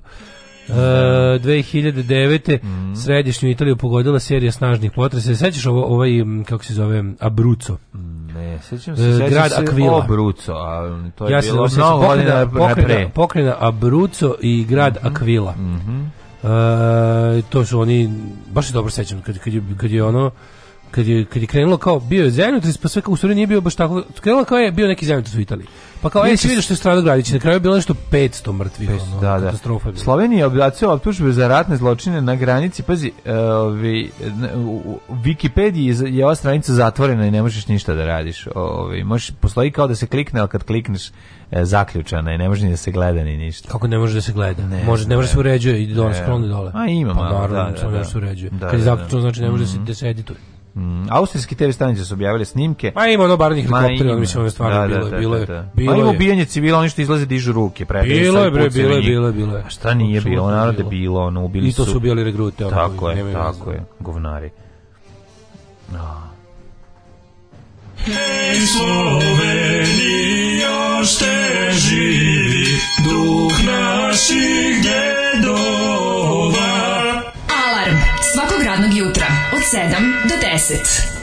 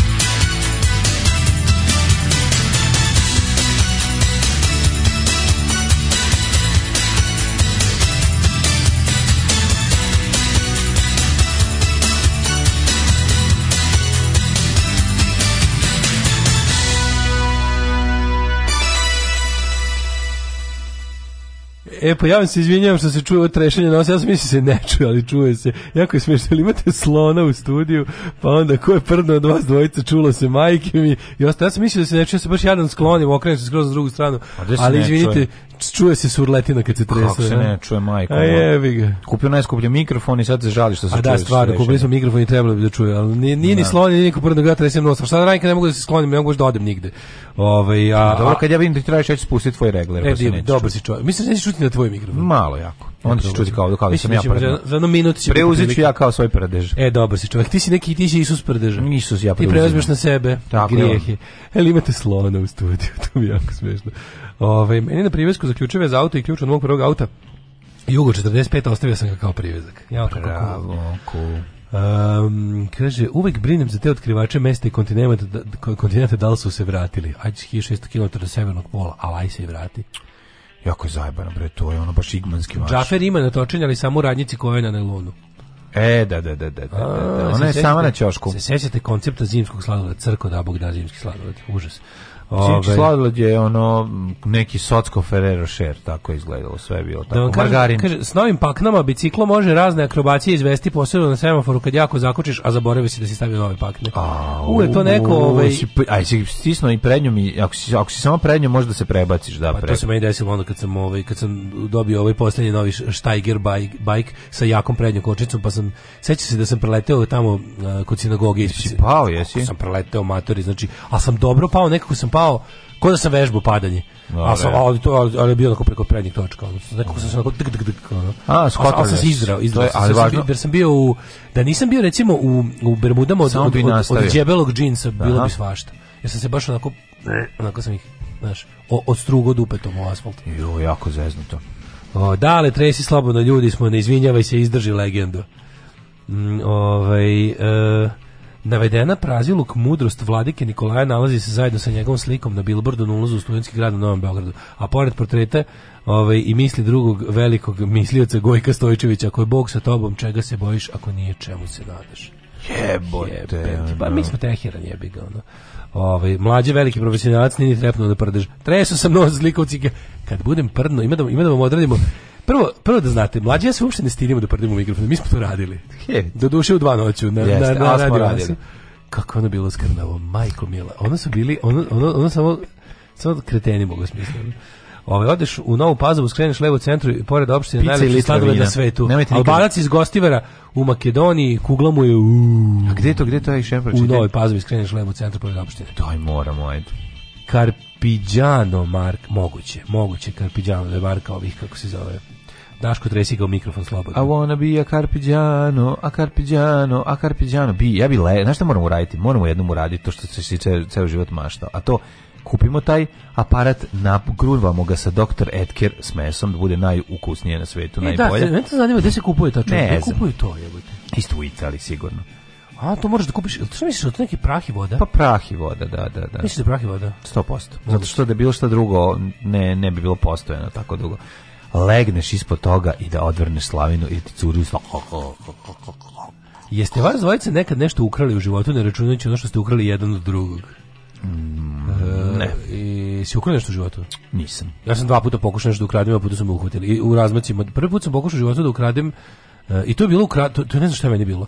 Znači pokušao sam dva puta nešto drpim, jedno je bilo praznu kasetu za snimanje, da, da. Znači uvatio me ovaj liko i prodaje, ali meni nije samo mi je rekao šta kradeš mamicu ti jebe, vrati to, ja sam vratio i otišao. A drugi put sam pokušao da ukradem to sam pričao hiljadu puta, šta piće na užini. Niti i naš na, ovaj, na, ovaj. onom na, na užini na velikom odmoru.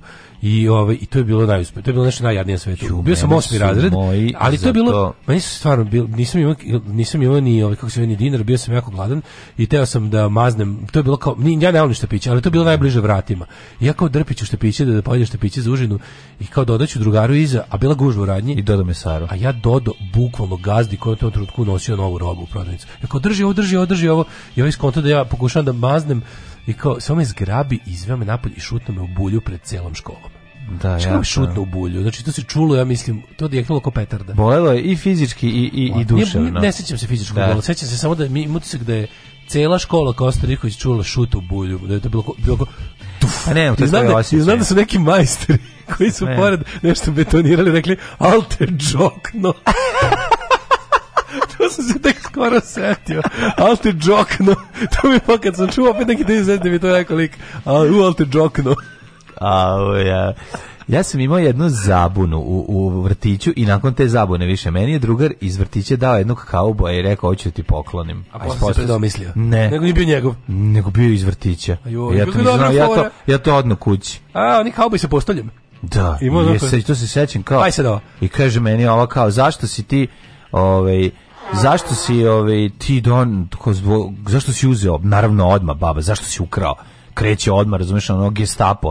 Ovaj, da mi Jeste sad čuli? Evo pa sad mlađe spustio pa regler. Pa čulo se, čulo se ali, ali neka ono. Baš me zanima jeste da čuli. Čuli su, jebem, čujem ja u, u, u slušalicama, ali ne toliko snažno.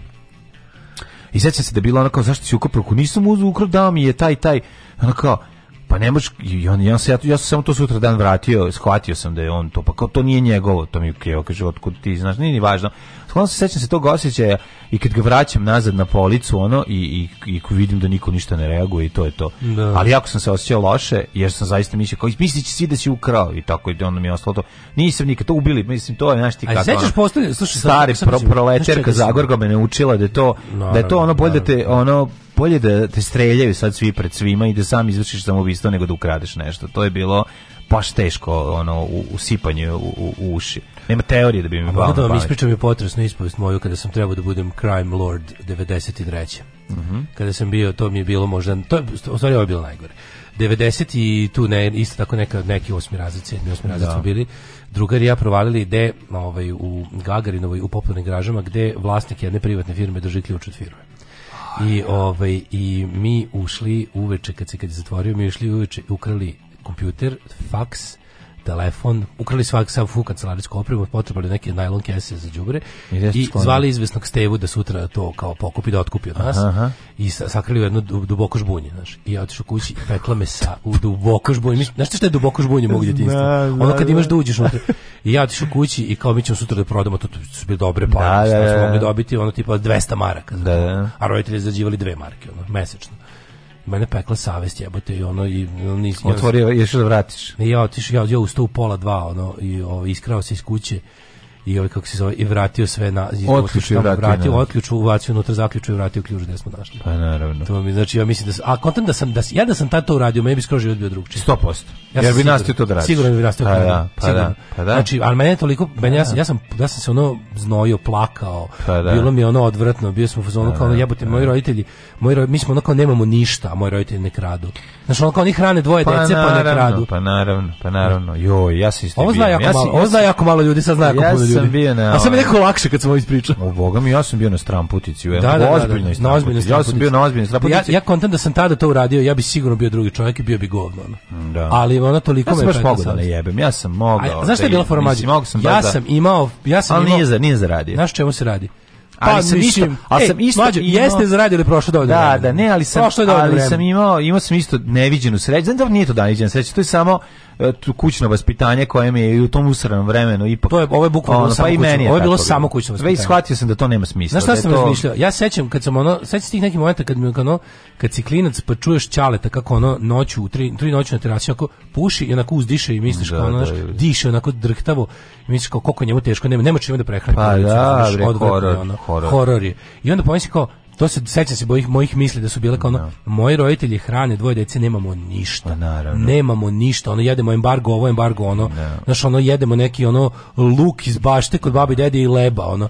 I kao i moji roditelji ne kradu, nego i dalje pošteno jeste, jeste, jeste, I onda sam i onda sam se iskrao i vratio to sve nazad i sećam se dobro da sam Stevi morao da objasnim kako ovaj neko to. Pošto sam a, ali opet, neko. Može se da slažiti. Da, da, morao sam da slažem neko sam, jer sam rekao da. Frka ti je da Steva isto zajebano. Frka isto zajebano, Steva zajebano. Sam rekao da imam za njega nešto nešto, ono bolje bi bilo da imamo. Ono. Jako je strašno to kad skontraš da si u to vreme mogao ono, sa jednim tim poslićem da ono doneseš više nego što tvoji i baba, keva, ćale svi zajedno mogu da zarade za da, jedan da, da, da, da, E, a ja sam tako prvo razmišljao. Pa da. tipa ja ću sad da zaradim 200 pa da. maraka za ukradeni kompjuter, faks, telefon, tamo sve što smo mogli smo pokupili. Užas. I on, a ja zamišljam, zamišljam tek, uvijek me zanimalo kao taj čovjek koji je došao ujutro otključu i video sve, prvo pomislio da mu je sve maznuto, da, onda, onda to sve našao u kesi na sred, kesi, na sred, ovaj, na sred ovaj, kancelarije. Koje to ne bilo? Te čovjek ne može sad ni sebi ne da može. Baš mi volio mi se jave, kaže ja sam taj kao da, kretenu. Da, da, da, kretenu, da, kretenu šta si radio. Ali kažem ti, ja da sam tad to recimo, da, da sam mhm. tad to izvojio, da sam uzeo te pare i da sam tu ono kao... Ne bi sad vodio sam na Ne bi. Život pa bio sigurno skroz pa drugčiji. Pa a znaš, taj, taj moj kvart je bio baš onako krim, kriminogena sredina. Pa kako ne? Pa misli sve je bilo kriminalno, to nema veze s tim, misli kako ti kažemo, ono, naš. Ja sam sa dva paketa ganđe mogu, nije ni važno, ali ovaj, kako se zove, ću da ti kažem da je to, ovaj, da je to jako je, bitno je bre, to šta ti se usadi kad si klinja, to je tako, to je, to, mislim. to je neviđeno važno. Meni znaš, ono to će te odrediti. Neško, mi smo Milinović i mi ne krademo. Pa daj, znaš, ne možeš to, znaš, ne možeš, meni su sadili, ne pri, meni je Zagorka usadila da ono ne smeš da ne platiš kartu, najveći, ona meni stalno prepričavala njihovu najveću sramotu kad je ona mislila da je deda kupio kartu, a deda mislio da je ona kupila kartu i došli. Pa dobro, to je to je to je pa nebitno, to znamo, da, da, ali honest je. Ali je nenormalno, da, to nenormalno isto je, mislim kako ti kažem, taj stepen ono ludila. To su one priče partizani streljaju za za jabuku i ostalo. Partizanske to su partizan Luci, da. I valjda je meni to ostalo tako da sam ja na vreme, ovaj vratio se na na na na, na taj isti put gladi. Umesto da skrenem na put iz obilja, kratko trajno, iz obilja jako dobro. puno sranja. Pazi, to isto leto, to leto kad sam... Ja, no, mm-hmm. bilo 93. godine, jako 94. je bilo, 93. četvrta, katastrofa. Da, da, da. I onda, ovaj, a pazi, malo je stubrka to vreme, meni se 93. četvrta i peta zbrljaju jednu godinu, pa ne znam kad je šta tačno bilo, ali se dobro sjećam. Ukrao, ukrao trenđu iz iz Znaš ko ti ljudi su išli samo i krali. Znaš, da, da neko, da, da, torba stoji torba, pa nekom, ono otvori ja, torbu, da iz iščantra ovo, neku trenđu, ode preko puta odmah kod dilera ovog što valja ove devize i da. evo ti trendžom mi kaže daću ti 5 maraka. Daću ti 5 maraka. I on ovaj mu da 5 maraka, on ode daj tređu. I tako mislim to, to, to je jednostavno Bila je takvih ljudi. Slušajte jutarnji program sa Kristijanom Golubovićem i Oliverom Pink Panther, Oliverom Pink Panther Čirković. Kaže, opa, ja sam mislio da su tu u studiju opasnost od pelješenja vreba od čokoladne strane voditeljstva. Kako rasizam može da prevari. Ali je, ovaj, i sad će se dobro... Zašto pazi, da pretresemo poštenog Milinovića kad znamo ko ovde voli da pazi, da krade? Ja se dobro sećam da kad sam tu, tu svoju ovaj, karijeru krimi, organizovanog kriminalca da, da. nekoliko sati počeo i završio. Ja sam isto bio nedosta neorganizovan. Neorganizovan kriminalac. E, to leto su ceo, sva ekipa iz kvarta je išla provalila da se preko krova mašinske škole tamo pizdematri može ući onaj neki Alex Trade što je bio diskont i prodavnici sve.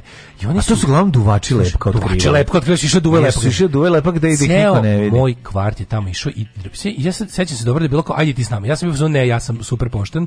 Da, I da, kao da. i onda odjednom i odjednom ja kažem ljudi, jel vama nije čudno što vi tamo već nedelju dana, 10 dana idete drpate. Niko, ja, vam, niko ne ka, ja vam kažem ono sačekaće vas na ono i, da. a bukvalno se desilo to. Znači samo jedno je bilo, nisu došli likovi samo ih sačekali u zasjedi, zatvorili ono vrate, ubili ih od batina, pozvali Muriju, svi bili u Muri, Muri ih ubili od batina i onda još posle, da ne pominjem ovaj, kako se zove kad su roditelji dovatili, a pogotovo jednog mog druga. Da. U drugi imao crno uvo, koliko je do... Znači, imao je crno uvo šest meseci.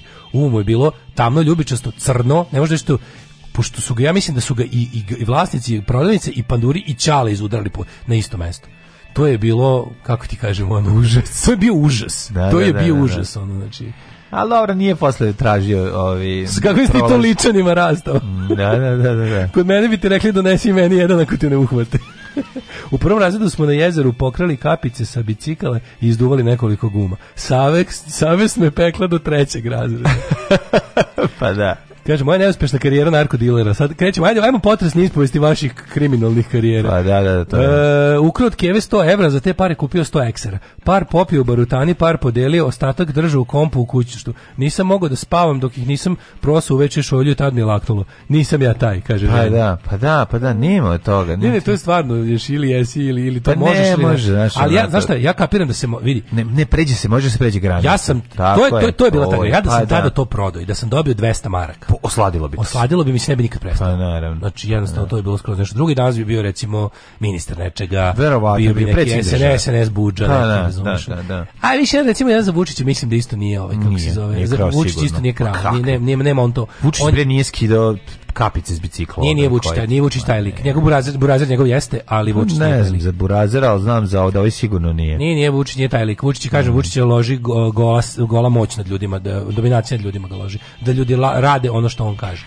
A dobro, znaš, ono, ja sam ono stavio i meni stari burazir, ono, bio almost, kontrola. Almost breaking bad sa Daškom. Pa da, znaš, ono, i meni stari burazir bio kontrola, znaš, nebitno ti pane na pamet. Ako ja vidim, sam bio stari burazir. Ako ti vidim da duvaš lepak, polomit ću ti obe noge. Znači, da, ja sam nije, bio meni, stari burazir. Nije pa palo na pamet da to radim u uslovima u kojima bi me, bi me to neko mogao iskontrolisati, to je prva stvar, a druga stvar, ovaj, mislim, ljudi ne shvataju, to je stvarno, tam, to 93. 94. to stvarno, najgore moguće godine koje mi se zamislim. Tu, tu, tu, su ljudi ubijani na ulici. Mislim, mogu te neko ubiti no, i više niko ništa. Mađe, mene ali, taj, taj gazda realno mogu roknuti. Mislim, to, to su bila takva pa vremena. To su vremena gdje su svi imali pištolje. Svi su, svi su imali pištolje absolutno. ili bombe. Moji drugari iz osnovne škole su nosili bombe, imali. Znaš, on izvodi pokaže ti. Znaš, to je baš ono, to je, jezi, to, to, to je jezivo vreme. Kako ti kažem? Tako da, ovi... Ovaj, kašikaru isto roknuli. Da. Sin, mi smo Viljuškaru sin, nosili. Viljuškara još gore od sin, Kašikara. Sin popularnog sada da. i ovaj, e, građevinskog investitora Novom Sadu E, na, na čelu građevinske imperije, novo, druge najveće novosadske građevinske Dobro, ja sam, imperije. moram priznati da sam imao... Divne ljude sam imao u svom okruženju kad sam odrastao. mi smo imali jako dobru uh, epizodu sa lažnom bombom koju sam ja imao. To je bilo jako smešno. A sa ispržnjeno misliš? No, onom žutom što smo imali ko klinci. Prava bomba, ali unutra nema ništa. Samo joj je ovaj... Misliš crna? Ne, no, ovo je... Crna defanzivna ne, da mala, ne, ne, sa izvađenim Ono... Ne, nije. Ovo se zvala, ovo se zvala školska bomba. A, školska. Mi smo imali pravu. Isto, mi smo... Kapislara. Kapislara. Školska bomba kapislara. Da, da, da, da to da. se koristilo izlaza u predvodničkoj vežbama. Da. Znači imala crvenu kapislu koja pukne kad ove, ovaj, stavi se kapi, kapisla. Mi smo pravu zelenu jaja ofanzivnu da, bacili, da, da, a ovu kako se ono aktivirali bacili, Mavi, a crnu, a crnu ovu defanzivnu smo imali za igranje. Mi smo išli da zjebamo drugara svi zajedno, da idemo kao da je bacimo. Da. Kako je to bilo smešno. Da. Nikad u životu nisam vidio čoveka koji se kao u filmovima baci bukvalno onako skroz pa i padne na zemlju. Na pešu, pešu. To je, da, da, da, to je, to je prosto, prosto nevjerojatno. Ali grozno, možeš izginuti. Mi smo živjeli u vreme kad su deca osmi razred mogla bace bombu u gradu negde, mislim, to je ipak mhm. grad tamo peščar, ona iza, iza, iza železničke stanice, i da to nije ni vest. A dan, juče, juče čitam kao u Kragujevcu devojčicu pogodio neko vazdušnom puškom u šaku.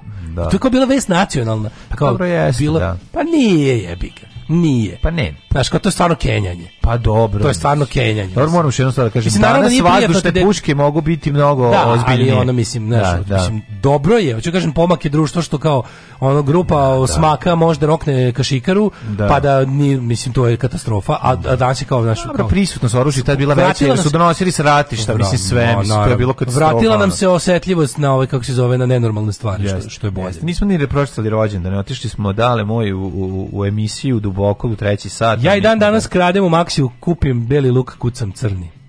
Da, Mi smo u sedmom su... krali romansa keksa, kokosom i stoteksa, pa taj osjećaj uzbuđenja, nervoze, straha nikad posle nisam mm, osjetila. Mm, Kad se već hvalimo kriminalom, ja sam jednom našao 100 dinara na ulici, bestrano sam ih stavio u džep, a potom potrošio na sladoled. Mi smo bili jadnu epizodu kad smo vratili čoveku pare kome su ispali. Da sam ja video ko je. Pa dobro. I kome su, a znaš zašto? Zato što ima jedno oko sjebano. Pa dobro. I to je na nas uticalo. Ja kad ja kad ja kad vidim da nešto znači ja sam kažem ti najviše u životu sam našao taj bre dali našli smo ovakav što spara. No. Da. Potrošili smo pojeli smo po svako po dva sladole da više nismo znali šta ćemo s parama. No. Da, da, I otišli kod čovjeka zvonimo na vrata i ja sam najviše, ja sam I rekli, našao. mi smo potrošili malo, a on je rekao ma Ma šta ima veze kao deca, evo i dao još 100 dinara. Najviše što sam našao i potrošio to, za nisam vratio, nisam imao kome da vratim, bilo kad sam kod pošte limanske našao 60-65 evra, tako baš u evrima. Da. I mislim nije bilo šansa, nađem čije su pa da vratimo. Ma, treba se ići vikati. Ma pa jeste. Ne, ne, to su učinio, je moja skolika uzim, čekaj, čekaj, čekaj, da, da, ovo je moja. Ma, ovo sam ja da, iskupio. Da, da, ovo je moja, a to bi mlađi ja uradio, debelo. Pa garat. E, u, da, prepoznajem ovu dučanicu, ovo je moja. Hvala ti, mali. Hvala divan si. Hvala ti, divan si ovaj, pro, provalio da 2 dinara iz 93. može da prođe u džokiru na Spensu kao žeton za Mortal Kombat. Ja. A novčića kod kuće naravno na kile. Igrao sam dok mi nije dosadilo. So. E, kum ukrao Čaletu 93. 100 maraka i za sve pare kupio klikere. Pa kako, ljudi, koliko je klikera kupio? Pa mu kupio verovatno 10.000. Gde? Gde kupiš? Znaš, 93. 100 maraka, matori. Da. 93. 100 maraka nisi mogao da potrošiš u jednom danu. Nisi mogao. Da. Da, znači nisi mogao. Ono. Ovaj mlađi je bila slomljena devijacija nosne kosti. Ukrad mame 100 dema 94 da kupim polovan Game Boy i sakrio ispod kreveta, šesti razred. Da, da, da. Kod da. mog sranja radila policija, ali toliko sam se skenjao i plakao da su se policajci skenjali i krenuli da me teše i da će biti sve okej. Okay. e, majke mila. Jo, jo, jo, jo, jo. Šta smo imamo rođendane, nismo ni čitali. Da. Vidimo ko, ko, koji veliki ljudi su. Mi smo imali ekipu koja je odrastala bez majke i oni su bili kao za njih se tvrdilo da, da ono, leva ruka desni džep, mm -hmm. što mhm. govorila moja baba. Da, da. I onda bilo u jednom, u jednom, u jednom poslednog rođena ja da ne je nestala. to i šverckomerc. Šverckomerc, ju, ju, ju, kakav bolji život. Ma da, ja nije izraz iz detinstva. Da, da, da, da. da, da. Leva ruka desni džep i Da, da, da. I onda bila jedan, bi sećam se jedne situacije kad je nestao sat jedan. I na njih odmah. Igrali smo se kod, kod, ove, ovaj, drugara. kod drugara i nestao je sat. Ne, na njih ove, ovaj. ne vidjeli, da? Ne, oni su neki, a oni su bili u kraju. jebi ga. to najbolje bilo. I onda su ih svi nabedili njih, ali oni su ukrali. Tako dobro je ti rođendane. 1483. Jebi ga Ika je ukrao. Šta se radi? Rođen ovaj. Rafaelo Santi di Urbino. Mm. Kod, inače, u mojoj osnovnoj školi isto ostao zapamćen kao mega prevarant koji je osnovao ovaj, privatnu školu za talente i ukrao talentovano i deci. na svu sreću. Ja. Pa mene moji roditelji nisu smatrali za talentovanog i nismo uplatili ništa. Ali oni su bili stari, oni su bili puno stari, ta ekipa je bila puno starija od mene. Pa, to je neko 70 bila tužna priča. 73. Da. recimo godište, 72. treće godište. Jedan od njih je klepio. Ove, igrali su se sa, sa, sa, ove, sa starijim od mene. Ja sam samo prisustvovao Uh, e, kraju te te te ove cele dogodovštine kada su došli roditelji i kad su počeli da traže sat. jako smešno. I, jako smešno. I oni su. I oni 1630 Stjepan Gradić, filozof i znanstvenik. Bilo je zašto da prepisamo poštu sve kad znamo ko ne voli da krade i oni su ju ukrali. 1752 Hugh Elliot, pa onda imamo Johna Williama Waterhouse-a. Pa je rođen, ja čitam samo za koje smo čuli. Recimo, se čuo za Antu Baninu, general pokojnika Jana rođen 1915. Mm -hmm. Ian Paisley, Uh, 1926. je sjevernirski političar, taj je bio kreten, mm -hmm. pa je onda ovaj, rođen... 1900, koji si godine, izvini, Do 1929. kada je rođen Pervan, Pervin, američki dirigent i kompozitor. 37. Billy D. Williams, američki glumac, umetnik, pevač i pisac. 46. pokojni Ivan Bekjarev, preminuo od ovih ovaj, da, posledica korone. Stiskao ga krvate i dobio Ko, koronu. Koronu, da, da. Uh, Horst Ludwig Stürmer, pa onda Adriana Alda... Adriana Altaras. Onda mi krenulo, krenulo mi na na kako se zove Anabelo Atias. Da, Atias. Derek May, američki DJ i producent elektronske muzike 63. Pa Paul Rad, američki glumac, scenarist i mm -hmm. producent. Zoran Pribičić, hrvatski glumac. Volim po celog, ne pola, celog mm -hmm. Boki Predović, bosanskog hercegovskog, volim Boki Predovića, bosanskog hercegovskog šahovskog velemajstora. Kakav pumpaš. Znaš da on nije Predović ni jednu partiju. Nikad Predović mm bio. Uvek, uvek. Dok sam Boki. U nekim slučajevima Remijević, ali nikad Predović. Peyton List, američki glumac i model. Vratno glumica. Da, umro je Metodije. 98, umro je 885. Metodije Solunski. Mm. Pa je umro Richard Plantagenet. Ej, Metodije Solunski. Kao Richard Lavljeg srcem. Plantagenet. Plantagenet, mm. odlično, odlično prezime. Pa Matija prvi Korin, mađarski kralj. Šta smo rekli, Matija mm. korvin mm. bio velika faca. O, Rafaelo Santi de Urbine umro na svoj rođen 1520. Pa i Direr, pa i Direr. Goran Davidović Direr. A, A, Albrecht Direr, slikar i grafičar, poznat e, Albert slikar. Johnston. Imamo ovde njegovu jednu ovaj grafiku e, Vojnik susreće smrt. Erasmo Barčić, hrvatski politički pravnik, umro 1913. Pa Walter Evo, rekli poginuo na, na današnji dan pre. Tako je. Pa je onda Igor Fjodorović Stravinski, da, da, da kompozitor, da, da, da. 1971. Mm. Strava je komponovo, Isak Asimov, 92.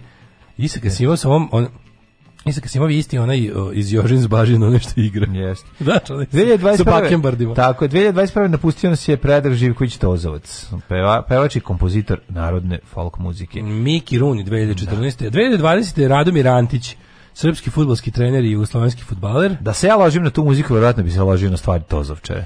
Na, na tu, a? Da, a ja sam negde rujno vino pio, a ja da. sam ne, to je njegovo, to on, on je meni isti, isti. To zove Cipa Gliofač. Ovo iz Sons of Anarchy, Chief Answer, onaj kako se da, zove, šef da. policije. Liči, je. jeste, ne, liči, liči. Da. Mogu bi da ga glumi ovaj. Da, da.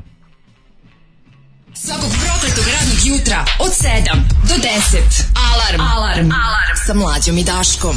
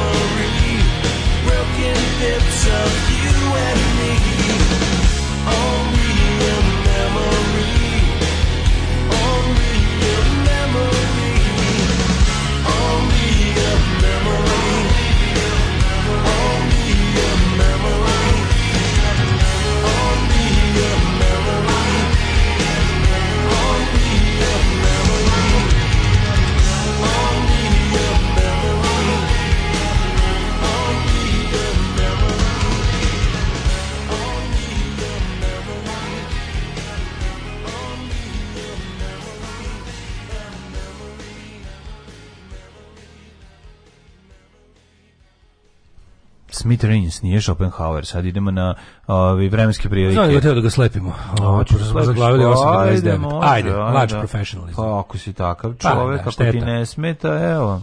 8 je časova. Radio Daško i Mlađa. Prvi program. U Belgiji sam sa dva šafcigera i zemom obio par kuća, uzeli laptopovi, hrane iz friza. Glad, šta ćeš, Laptopovi utopili za alkohol, sangriju i vutru. Au, bok te. Au, pa kaže, ne vjerujem da bi se mlađi ložio na tozovce, to je previše jednostavan ripan, ritam. Mladici, mlađi više treba satata, satata, sata, ritam makedonski ne može ga uloviti. Ne može ga uloviti, da, da, da. da. Ove, ovaj, ukrali ste pola sata od drugog sata. Ove, ovaj, naložio sam želom na vas i sad krenuo da vas slušamo. Gde su nestale medicinske sestre? Gde su nestale medicinske sestre? U kom smislu? One idu na posao o, iz kola što su nam se javljile. Ja sam upoznao jednu od njih. Pa ti vidi. Ko je upoznao? Mašan Lekić sluša ovu emisiju, upoznao? hvata beleške i sprema novi specijal emisije dosije radni naziv Umalo krimu se.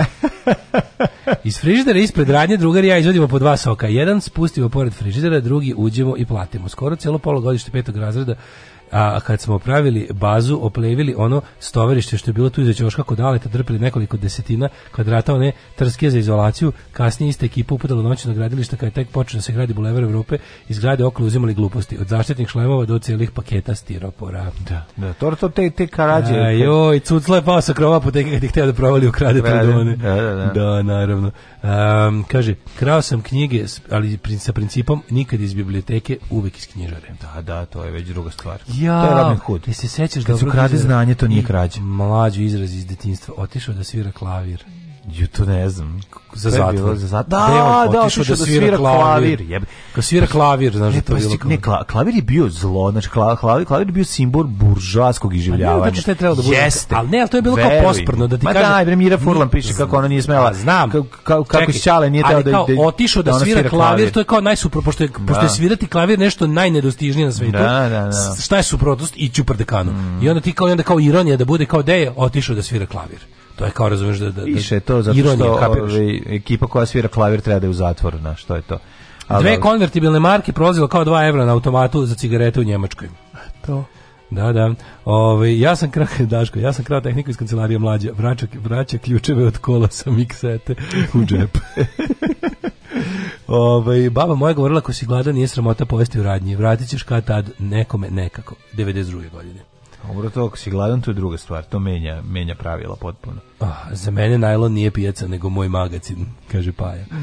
Ukrala bez namere već više puta po nešto iz marketa u kome ne radi samo kucanje kako treba, bez griže savesti ovaj, kad prekrstiš ruke pa pokažeš sviranje klavira. Da, to, je bio Kao, kao lisica. Zato što je lisica, kao pa lisica, zato je svira klavir, zato je svira klavir. Jao, da. kao kad ti stave lisice, ukrste se ruke kao kad, mm, kao kad sviraš klavir. Kao sviraš klavir, da. Zato što što svira da klavir. A misliš da zato što svira, kao što svira klavir. Pa da, pa da, pa da. Pa dobro, ali jeste to sviranje klavira bilo kao, a ti što da svira. A kako to nema drugim jezicima jebote? Kako to nikom drugom nije palo na pamet? Pa zašto drugi jezici ne znaju da se tako ne svira klavir sa ukrštenim rukama? mi smo kasno videli klavir. Pa mi smo valjda kasno videli, da, da.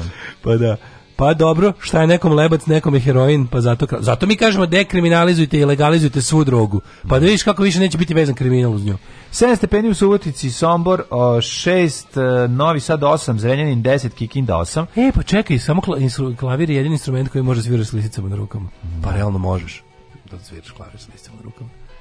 Jel da možeš gitaru, ne možeš, ne možeš trubu, ne možeš. Pa znam a koje melodije možeš svirati. A pa možeš nešto odsvirati na klaviru. A pa, možeš svirati tako nešto i na gitari, stavi gitaru. Sa vezanim, sa lisicama. A, da, da aj leba ti odsvira donju lisice sutra. Pa kažem ti, ali ne možeš da odsviraš ruke, ruku, znači ne možeš svirati u dve ruke, možeš svirati samo pa, jednom. Dobro, ne možeš da sviraš vrhunski klavir, možeš nešto da otviraš na klaviru. Ništa ne možeš gitari sa sa, sa lisicama. Da, možeš svirati melodiju. T, t, t, t, t, A to ti kažem, ali ne možeš trubu, ne možeš ništa, ne možeš da, sviraš ništa, ne možeš da.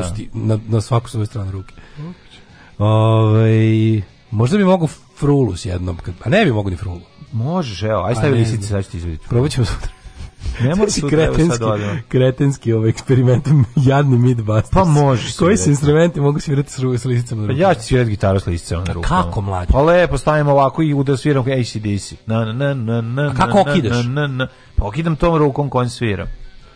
A možeš udarimo, ovo, okinem, udarimo, okinem, udarimo, okinem. Možeš sa ovaj kako se zove električno, ako pa, ustra se isčuti ništa. Pa čući se malo. Ako ustra se isčuti da. da, ništa. Da, da, da. Ovaj e, možeš angus, možeš i metalofon, dobro možeš sa s klavijaturama, ali ne možeš ništa što nije što nije na klavijaturi. A možeš frulu svirati kad A, imaš lisicu. Kako kad kako bi držiš, možeš, možeš pa, trebati ta trane staviš. Trebati dve. Pa tatrane da staviš. Flautu, ako, kao telefon uvatiš, staviš na ispod ramena. Flauta se i svira sa, na početku kad si klinec sa, sa lisicama, kad naučiš položi ruku.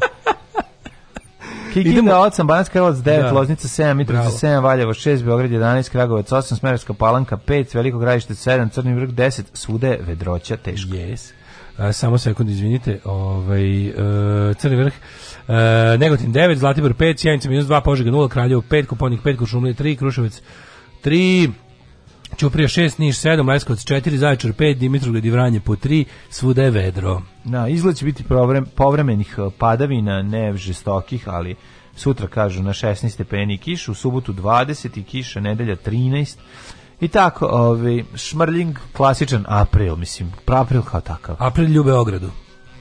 Je stigla penzija? Stigla je. Ne možemo mi od toga živati. Alarm svakog radnog jutra od 7 do 10.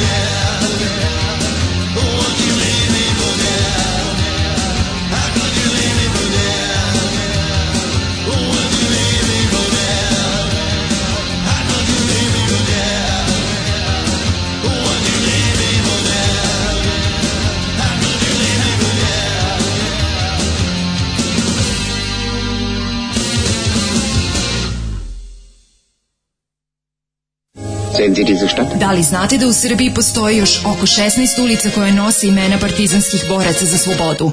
Zajedno možemo učiniti da sećanje na antifašističku borbu zaovek nestane. Nazovimo ulici po saradnicima, okupatora, popovima i gazdama. Revizionistička akcija Srbije.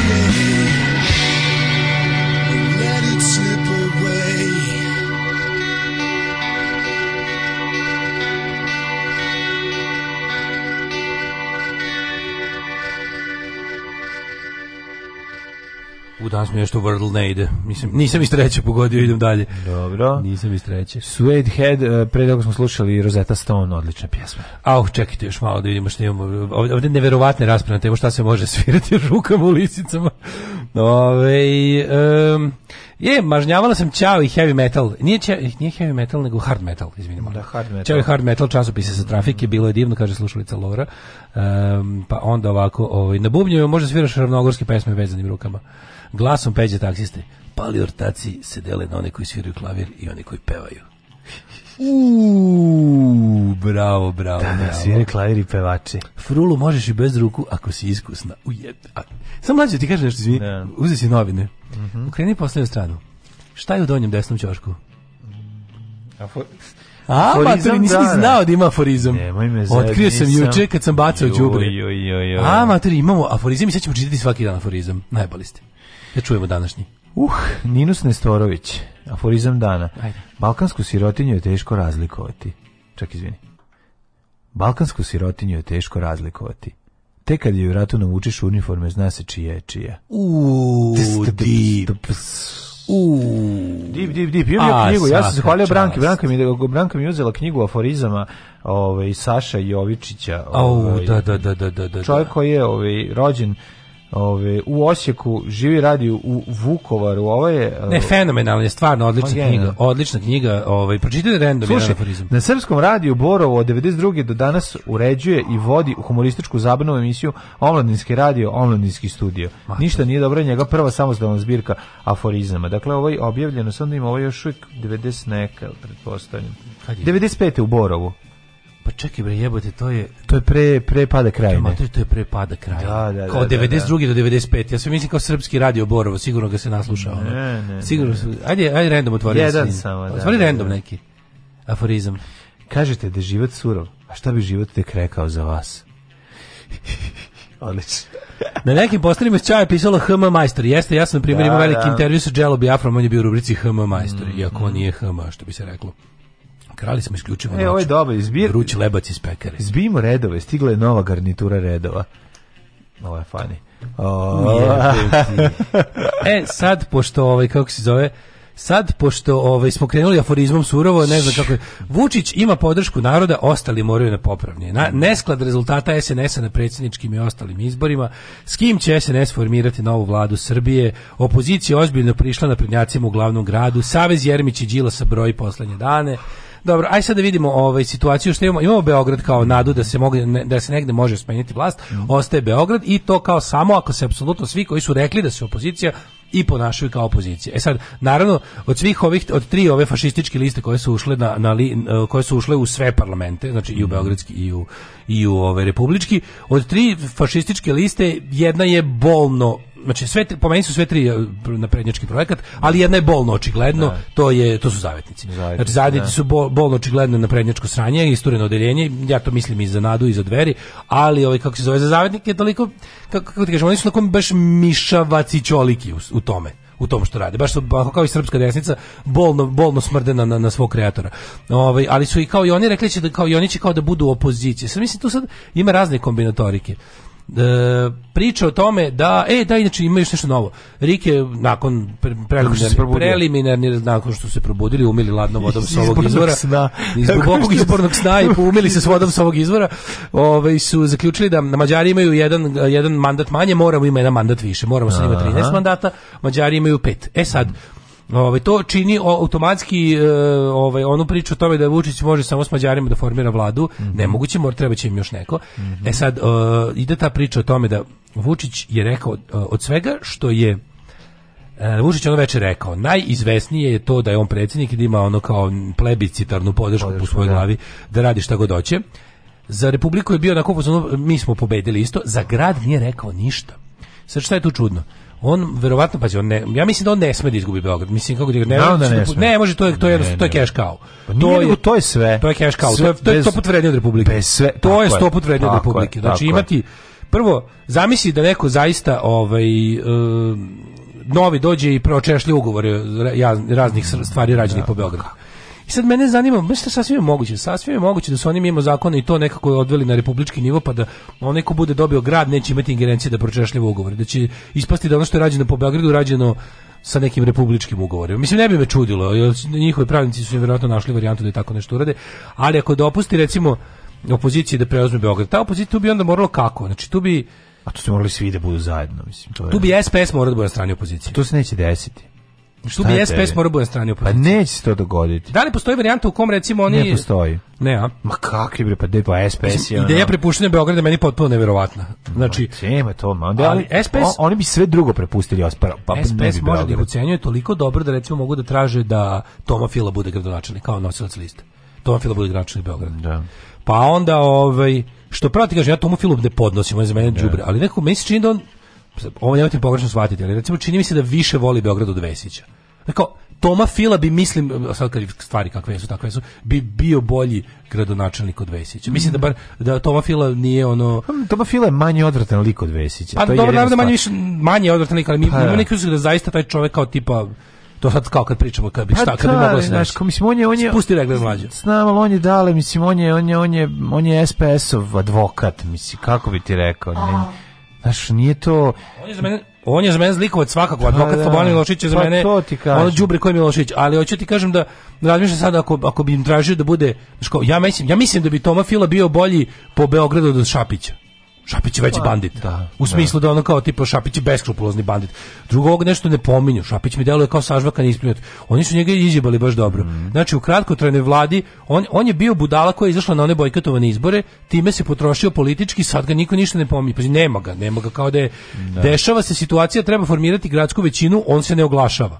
Ne, dobro, do duše ne oglašava, do duše Srpska napredna stranka se uopšte ne oglašava po pitanju grada. Uopšte. Sve što čujemo oko toga šta se dešava u gradu Beogradu čujemo iz raznih opozicionih kalkulacija. Da, I sad je juče veliki skandal bio kao ko treba da formira većinu za donošenje bilo kakvog ovaj donošenje bilo kakvog gradonačelnika, biranje bilo kakvog gradonačelnika. I onda su oni kao neki rekli kao skočili su svi na, na moramo kao e, saradnja sa zavetnicima, ne znam kime. Ali Mislim, zar nije bilo i pre izbora priča tipa ukoliko bilo ko hoće da podrži opozicionog kandidata, a bile priče da će opozicioni kandidati biti ili iz e, ili Vladeta ili Dobrica. Ne. Da. Verovatno Dobrica ne, jer su ipak dobili premalo ne. Da. glasova za tako nešto, ali Vladeta bi mogao. I sad kao, da bi to uspelo morali bi da glasaju svi. Za to mora da glasaju i Dveri i Nada i, i treba da nađu apsolutno sve i da još i treba čak i zavetnici koji kao glumataju opoziciju u nekim stvarima. Ali su zavetnici odmah lepo rekli, ja bi ga mi smo bar mi smo toliko očigledno SNS da nećemo nigde sa ni, ničim što ima Đilasa. Jer jednostavno njihova fiksacija Đilas, znači oni na svakim izborima pobeđuju Đilas da, da. od 2012. Da. I tako da je to naš, mislim, ja ne znam kako je to moguće, osim, ako, ako recimo Vučić stvarno izradi SPS za, za republičku vladu, SPS će mu to vratiti tako što će biti vlast u Beogradu. Kapiraš? Ako ih zajebe on neće zjebati SPS, mislim, da je 100%. Dačić je išao u kampanju sa, cela fora bila Dačić premijer. I to je bio dogovor tipa neću se kandidovati da bi predsjednik pobedio u prvom krugu, da Dačić kandidovao, Vučić ne bi pobedio u prvom krugu. Da. Kapiraš? Ja mislim da Vučić neće dati da premijersko mesto SPS. E, ali ja mislim ja e, sad, sad mene sad zanima koliko Dačić ima muda i osnova i ono što se kaže leverage da traži to. Pitanje koliko Vučić ima Ne možemo dati premijersko mesto zbog zbog toga što on sad treba da on sad treba da Briselu je da. mnogo više nego što će da Moskvu. Tako je. Tako on sad je. treba mada kao kao naš anti Tito kog jebu i Peking i Vašington i Brisel i Moskva, moguće da će on napraviti najgore. Mislim ne po ja sebe, ne bi ali sretan. Ja bi ja ne bio sretan da je pa ovaj. Pa ne bi ja bio sretan, ja bi sad ja bi sad da, da mi. Pa naravno da ne bi, to bi bio kako ti kažem ali na meni jasno, pazi, on je njih vukao u vladu kada mu realno nisu trebali, sad kada mu trebaju, da bi imao stabilnu većinu. Vidi, ti znaš da SNS više nema, onu, SNS više ne može da menja ustav. Da. A bez promene ustava ne može da se makne dalje s Kosovom. Um, to mi sad ništa nije jasno kako to mislim. Da SNS i, i, SPS će napraviti dogovor, kao što je bilo i do sada, s tim da će ovi tražiti nešto malo više, onda će Vučić da isterati audio da- snimak da ovog ovih ovaj, služba će isterati audio snimak razgovora sa Mišom Bananom i onda će ja se bojim, ovaj da, ja se bojim mlađe to već zastarelo. Nije to zastarelo. Ne, mene više zanima. Ne može biti zastarelo. Mislim, Doći da kofer ja se, nečega ja, nije ja zastarelo. Stalno, ja meni stalno u glavi ona Dačićeva bio sam jednom u opoziciji i nije mi se dopalo. Meni je to toliko genijalna izjava. A. Da, a toliko toga govori. Neće on bre nikad stati, bre oni će samo dobiti bolje uslove to biće već više para. Pa znaš kako može? da kaže ajde Ivice nećeš biti premijer, Naravno, da da dobićeš nekoliko ministarskih mesta, pa bićete u vladi, nećeš biti premijer Bićeš, možda nastaviš budeš predsjednik Biće trgovina. Ne, nastaviš budeš predsjednik skupštine, šta pa, da. da, pa Bio da. si tu dobar i smešan. Pa da. Mada ja mislim da ćemo za ovu skupštinu trebati neko pouzdaniji, neki veći govnar. U ovoj skupštini će biti ipak dosta, pazi, u ovoj skupštini će biti uh, 30 40 uh, opozicionih glasova. To je već dovoljno da da znaš, i sad neće na te ljude moći baš da šalje kebaru i bilju pilju. Morat će malo neke iskusnije likove, jer će ono, mislim, kako ti kažem, jedna Marinika i jedan ono, par nekih ono malo tih ljudi će tamo stvarno pojesti s govnima te debile. Znao Lojić da ono tamo se galami da se da, de, da se deru. Mislim, pa to ja sve znam, ali mi da, se da. čini znaš kako on to sad ovo može da reši. Jer kažem ti, onako ako ne stavi, onako ne stavi SPS u vladu. Ako odluči da napravi tu vladu tipa vladu koja uvodi ovaj sankcije Rusiji. Mm. Ako sastavlja tu vladu za uvođenje no, da. onda tu ne može biti SPS jer SPS neće neće te to podržati. Da, ima, ima mnogo mnogo je varijabli, razumeš. Yes. Ali ako ne stavi njih onda oni mogu da kažu e super, onda mi tebe ne, Beograd, on će mi da budemo većina sa opozicijom u Beogradu. I biće, i biće Toma Fila gradonačelnik. Mislim, Toma Fila može, ima velike šanse da bude gradonačelnik u oba slučaja. Jer oni treba, njemu, oni treba njima da ponude sad neke visoke funkcije za njihove istaknute članove, pa, da. da. im jednostavno... Mislim, SPS je najveći dobitnik ovih izbora. Oni su, oni su pobedili na izborima. Realno.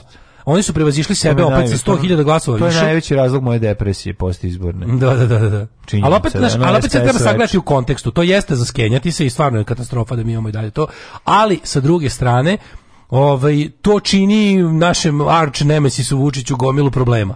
Da. Znaš, kao, da. ne možemo da ne budemo zluradi i da vidimo, kao, znaš, to je malo gadno. Znam. Znaš, isto kao što je gadno što on utero, utero... E, isto, i, isto koliko je gadan i širenje ruskog uticaja, ono, ve, da, ali, on ali gledi, Vučić da bi amortizovao svoje antirusko ponašanje pre, u, u rusofilskom narodu, mm. on je utero tri ruske fašističke liste u, u parlament, i sad jednostavno preko toga pokušava ne znam. A super je što oni stvarno nemaju nikakvu moć. Znači te liste, te ruske faš liste su ono i dveri i zavetnici i nada su realno e, a, a ta, sa ta nada postaje jako važna na gradskom nivou opet. Znam, nada je ono I ima još jedna projekat, stvar. mislim. Ona... Jeste Vučićev projekat, ali ove juče rekao kao navodno da je on da su oni opoziciji da neće sa SNS. Dobro. U, je, u, gradu. To se zove u gradu. To je I, to je če, Jovanović rekao. To kažu no, ono prve nedelje. Da. Onda krenu pregovore, onda u tri godine nedelje ne da pregovaraju.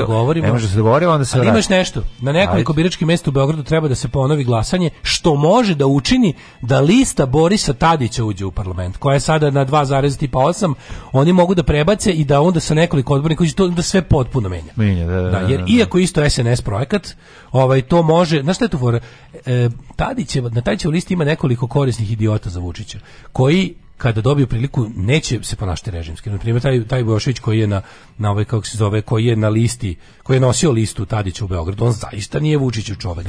Iako je radio za za Borisa Tadića koji radi za Vučića, on nije on je on je baš ono useful idiot u ovom slučaju s tim što taj isti useful idiot on je to, nisu svi oni su služili znači šta ta lista je služila da jedva ne uđe u parlament da. i to su postigli e sad pošto je bilo nepravilnosti dovoljno i oni su dovoljno bezobrazno krali ponoviće se ja mislim biranje na valjda 6 ili 9 mesta koliko sam razumeo i to ukoliko recimo i tu sad treba otprilike e, opozicija treba da instruiše svoje birače da svi svi svi glasaju za Tadićevu listu. Da koja je inače mrtva, ono, koja je Talić Koš, Skupština Domenja Republici 1%. Da, da u gradu su dobili 2, zarez blizu 3, i onda su ovaj i onda ako oni uđu na se stvar potpuno menja onda i preraspodela mandata drugčija onda i SNS dobije još jednog manje odbornika i SPS dobije manje odbornika i a ja, a ja mislim da recimo da ovim Vladi Tijankoviću ostaju, da moramo ostaju, da se od prvog otkida i da ulaze ovi sa Lupiću 3, 4 ili 5 odbornika i to onda menja celu stvar. Tako da zato ovaj još uvijek nije skakao jer kažem ti ponovljeni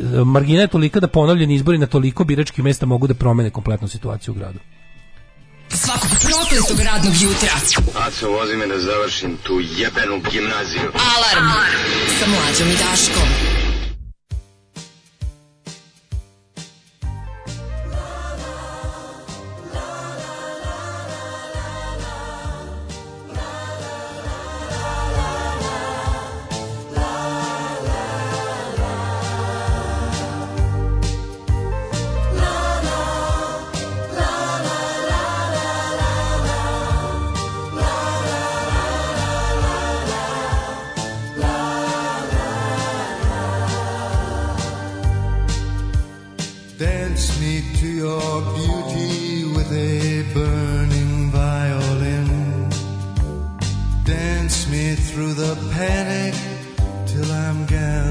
safely in.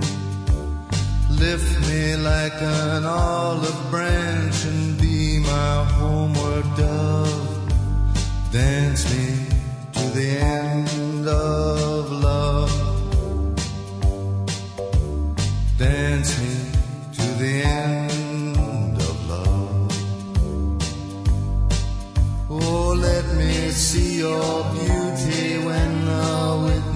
voices are gone.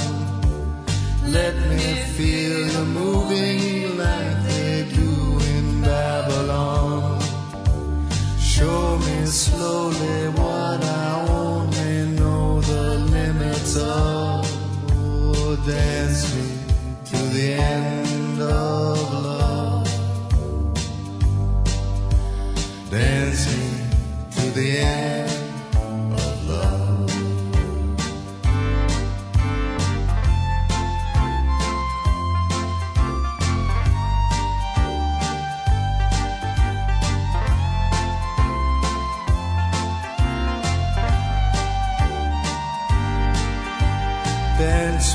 to the wedding now. Dance me on and on. Dance me very tenderly and dance me very long. We're both of us beneath our love. We're both of us above. Dance me to the end of love. Dance me to the end.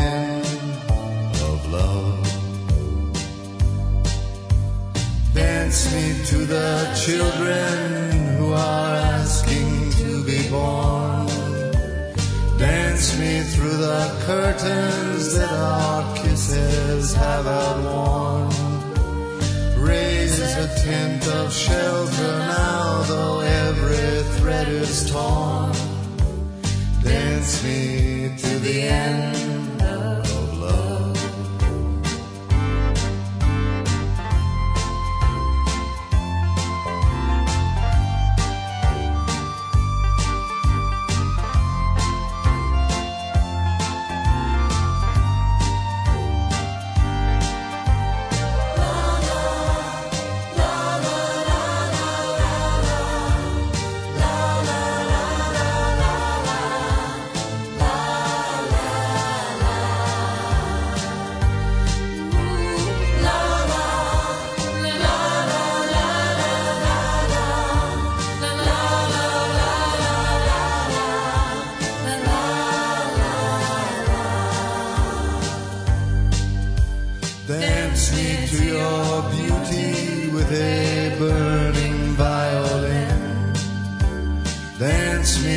The panic till I'm gathered safely in. Touch me with your naked hand, touch me with your glove. Dance me to the end of love. Dance me to the end of love. Dance me to the end.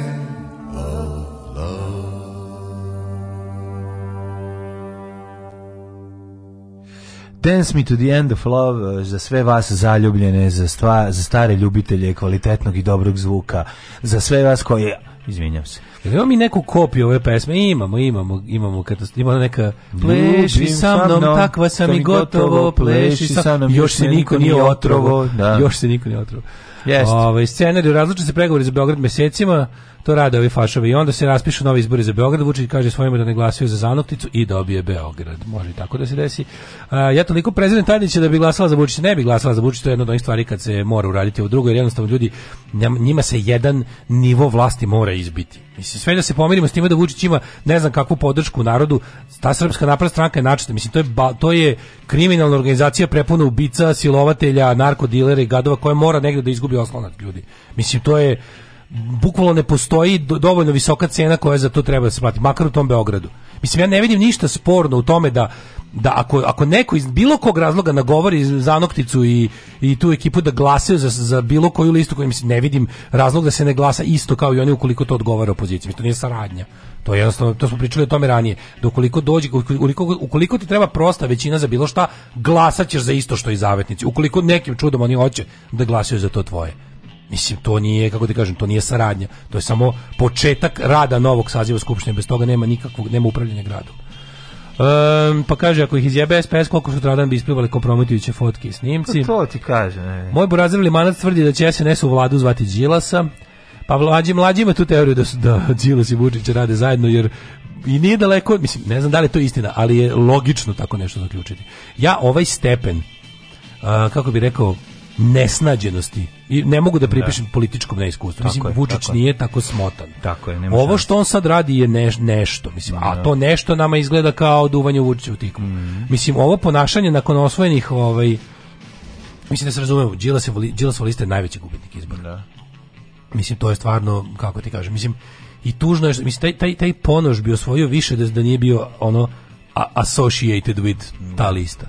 To je stvarno tako. Mislim, sve i da ta sve i da ti političari ne znam su kako dobri, oni su toliko Čekaj, koga osvojio 17%? Ponoš 18, 18 da. I skoro skoro 19. A kad se Vučić osvojio procenat tipa, mislim ti znaš da još nisu objavljeni konačni rezultati pa izbora. Oni bi morali do večeras biti objavljeni. Čeka se da Rik izbaci senku svoju. Da, Ako do večeras bi senku... morali biti izbačeni e, konačni rezultati svih izbora, svi mandati svuda i odluke o ponavljanju izbora mm. ukoliko ih ima na nekim mestima.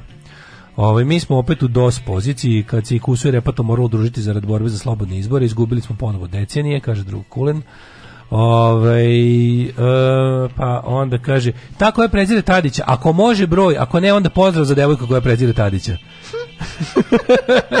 pa razum, naravno svi mi preziramo Tadića, on je svoju, on je svoju besmislenost i uzaludnost pokazao nekoliko puta. On će nastaviti, on je dobio 1%, on da, nastavlja. Da, da, on ima da. ideje da. za dalje, on poziva, on okuplja.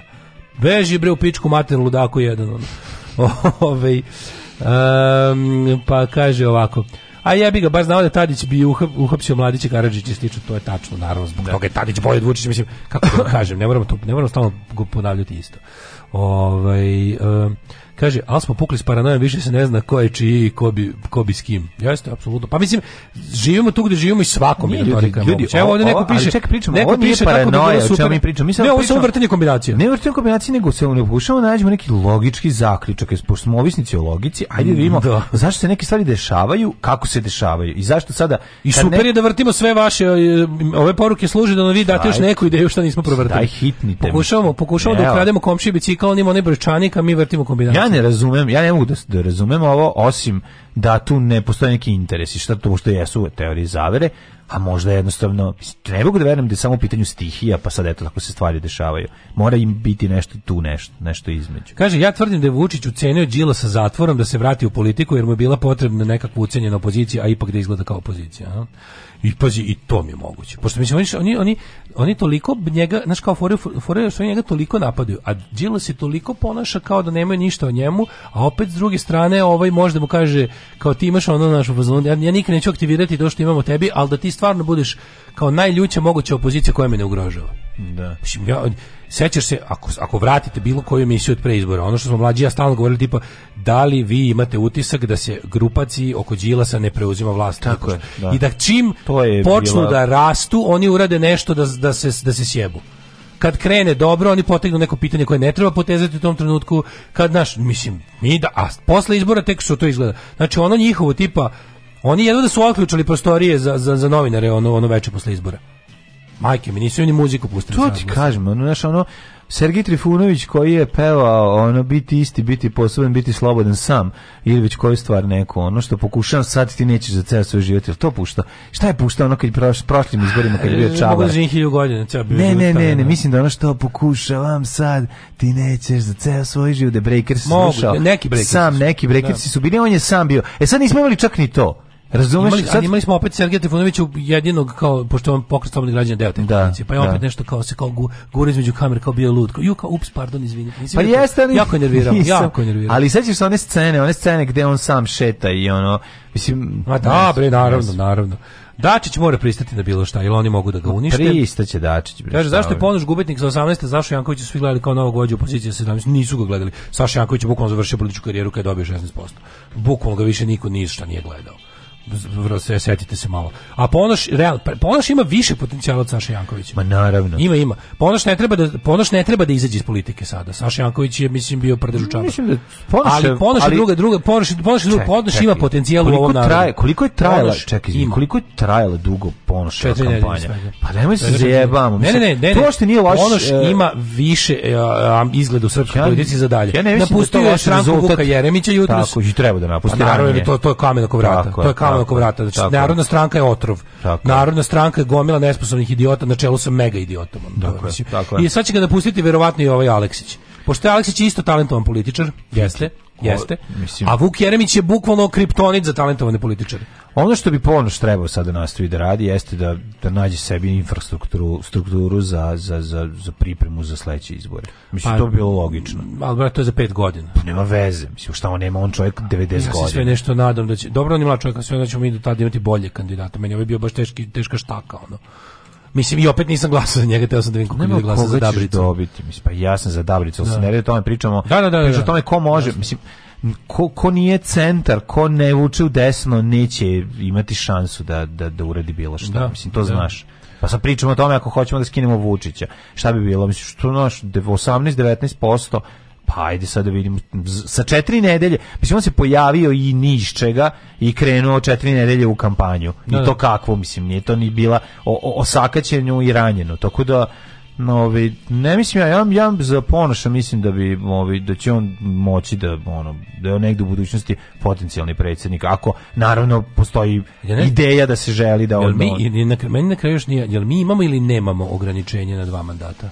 Nemamo, ne. tako. Mi nemamo ograničenje na dva mandata. Um, pa onda kaže ovako, ovaj Đilas uh, nije samo ucenjen, on i Andrej drže Arena Sport, preuzeli, preuzeli su pola Balkana trenutno. Ne drži stvarno, Đilas nije, Đilas više Direct Media prodao, znači Šolak je, to je, to nije, Tako je. to je, to je lako proverivo. Đilas je stvarno izašao iz, iz medijskog biznisa. On ima neke druge firme, drugo nešto radi. Ne ti da ulazimo baš je ono ali, svi su isti, svi su isti. Ne, nisu svi isti, ali hoću da, da, da kažem da je Đilas stvarno mislim Šolak je u United Media Đilas je prodao svoju tamo mhm. stvarno to više ne bavi se time. Što ne znači da je ovaj kako se zove odlučio da se posveti ganju paradajza, nego jednostavno taj tim se više ne bavi. Ovaj um, Kaže, Dačić je zapravo boli kurac za Rusiju, svaka naša kombinacija sa SPS-om i zavetnicima je besmislena. Mi nemamo ulicu i to je to. Može se i tako reći, i dalje samo Srpska napredna stranka ima ulicu i samo oni mogu da isteruju ljude na ulicu i samo oni imaju bati naše i silu. I ono što da. smo pričali o tome, to je da Evropa to zna i jednostavno će se rađuje samo sa onim ko može da kontroliše nasilje a Vučić može da kontroliše nasilje. Svako nasilje koje ne izazove je kontrolisano nasilje u očima Evropske unije, a za kraj ove analize bi pročitao poruku naših slušalca koja glasi još 9 dana i s Bogom Žohar i Španija dolazim.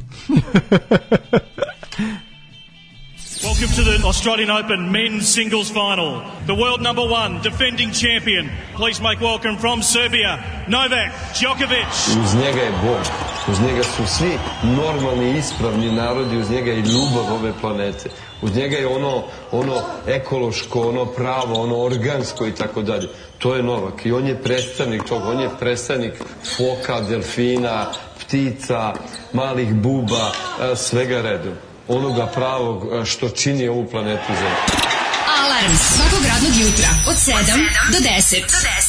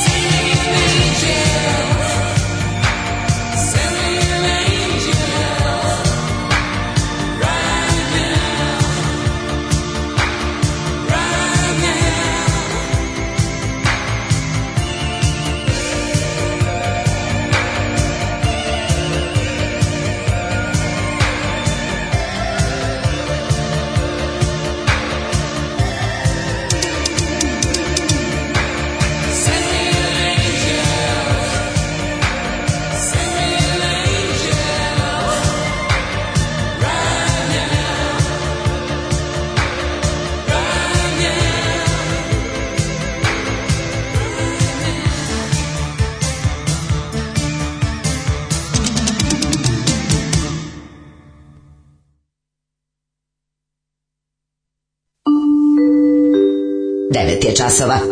Radio Daško i Mlađa. Prvi program.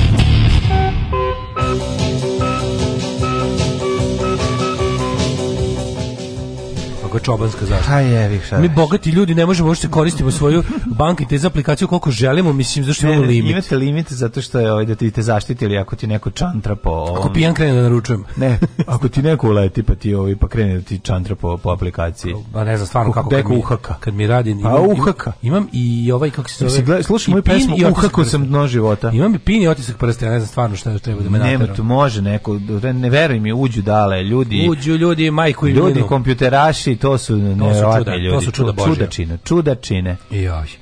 Ove, treći sat to je naš sat. Mm. Ajmo neku vedru temu, čoveče. Tipa od čiste pa odeću od jučerašnje, iz jučerašnje, ove, ove, kako se zove, nova ovaj magazina. To jest da, kad se naglo pojača muzika u sred pesme, jel to pojačamo da ne čujemo kako mlađe Kenja?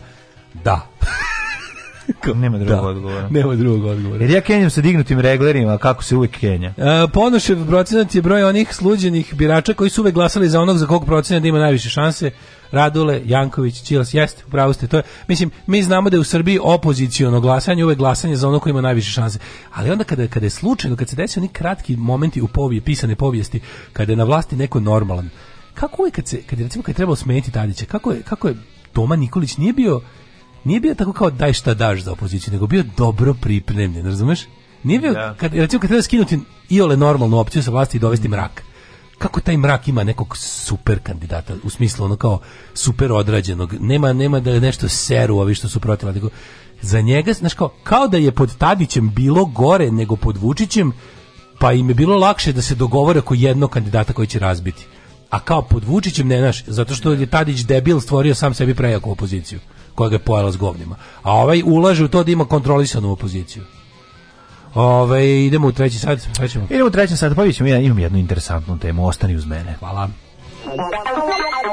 Đubraši jedni, đubra, opozicija, sram vas bilo. Maš čučaj, govnari jedni. Maš govnari, dobro nam je, dobijemo šećer za 8 dinara. Alarm sa mlađom i Daškom. Ja sam se prijavio dobrovoljca, otišao u Bubanj potok, proveo tamo neko vreme, ali jednostavno si bilo previše. Pogotovo mog vesa, što kaže. Tražili su protiv avionice na pešadije. Daško i mlađa.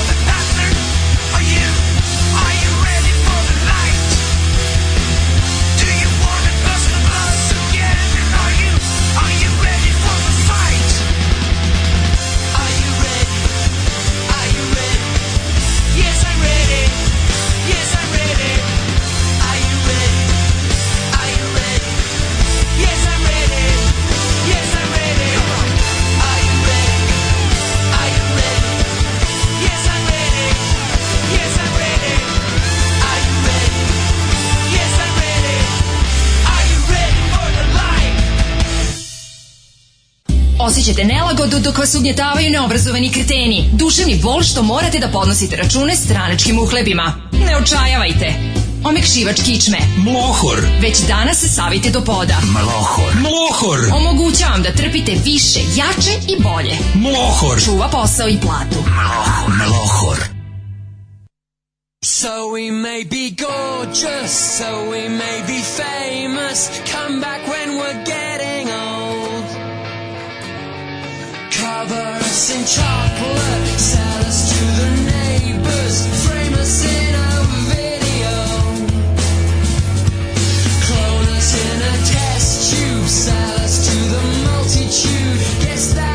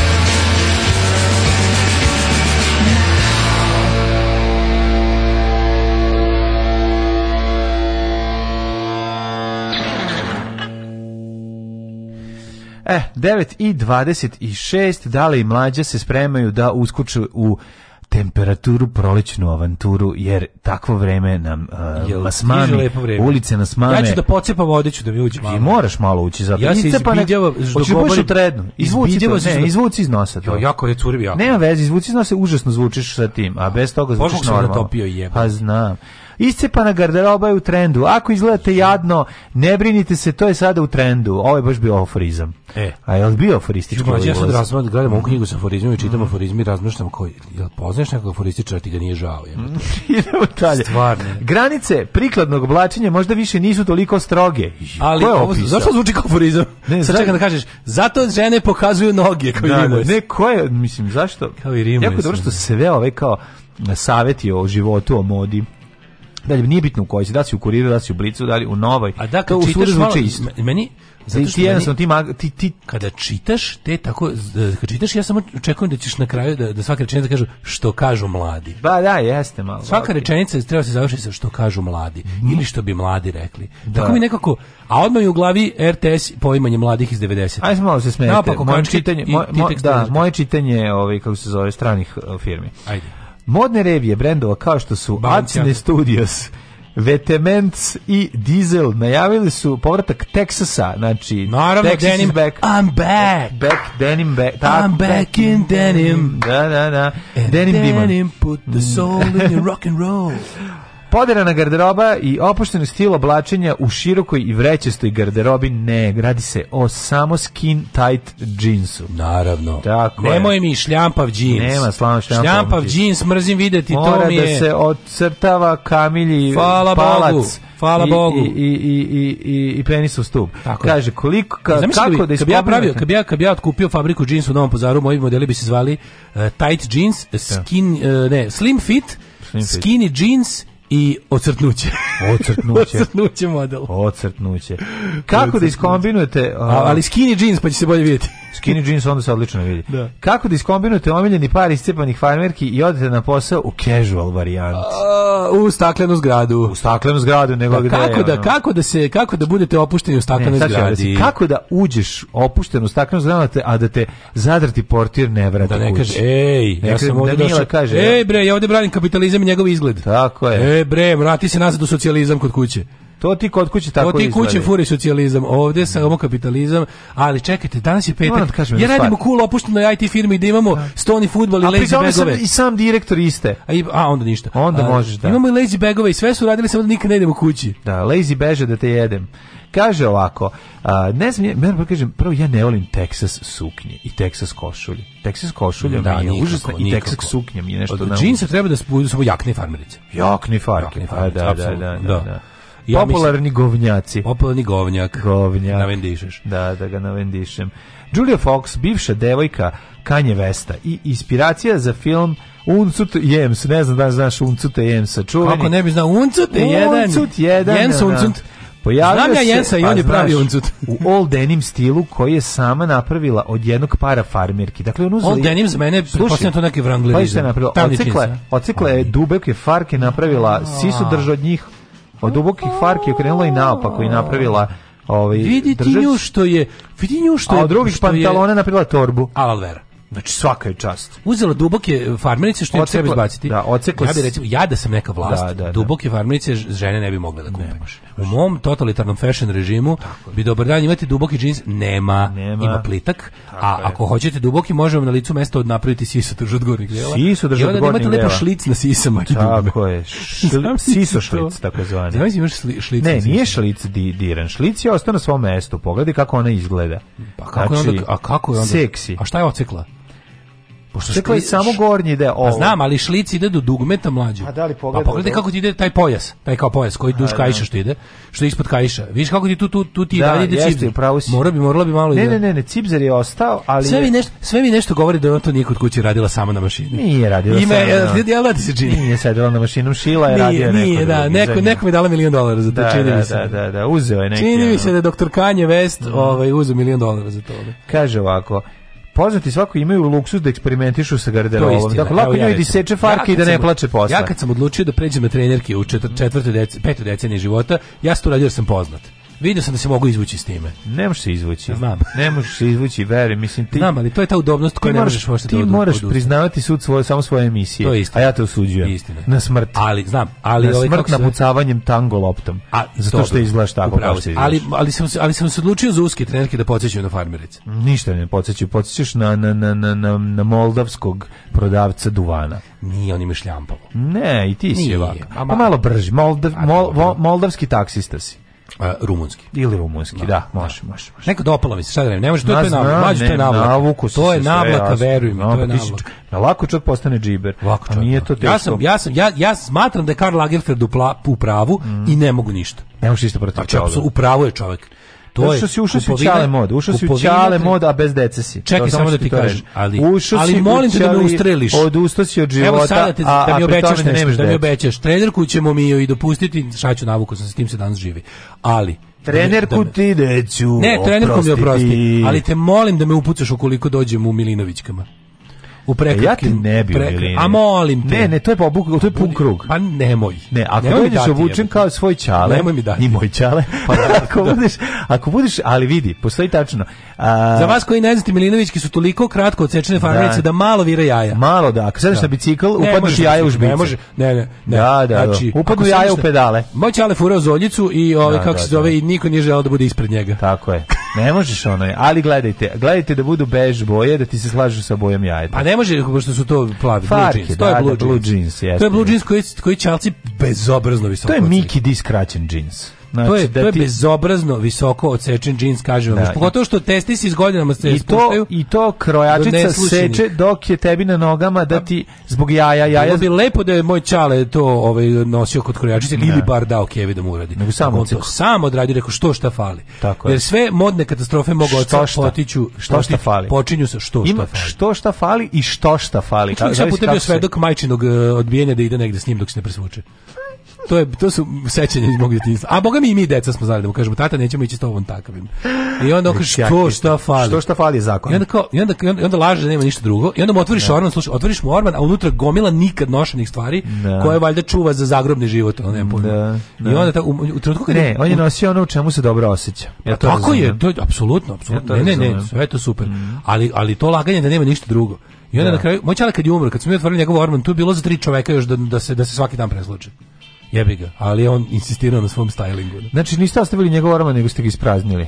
Uh, Kakvi ste ljudi? Pa mislim, pa just Moraš našu... čeka bar 50 godina. Moja baba nije dirala da. dedine stvari 50 ja godina. našu... Do 93. Ja kad našu... smo postali beda, moralo da otvori taj. Moćan jedno, jedno 15 jednobojnih nenošenih majica u celofanu znači ono tamo ostaje pa, pa, sad, pa zato što i ne to Čale, to ti čale. Tako je, pa i ne treba da nosiš Zato je onih nekog tri što je nosio u krug nosio da umrla, razumeš Tako je, zato su bile raskezečene. To je naravno. Pa naravno. Čalski styling, ali tako, tako super mi je, e, uvek sam se pitao zašto mu je neka majica draga, a neka ne. Što Nema nikakvog smisla. Nema smisla, prijeti na telo.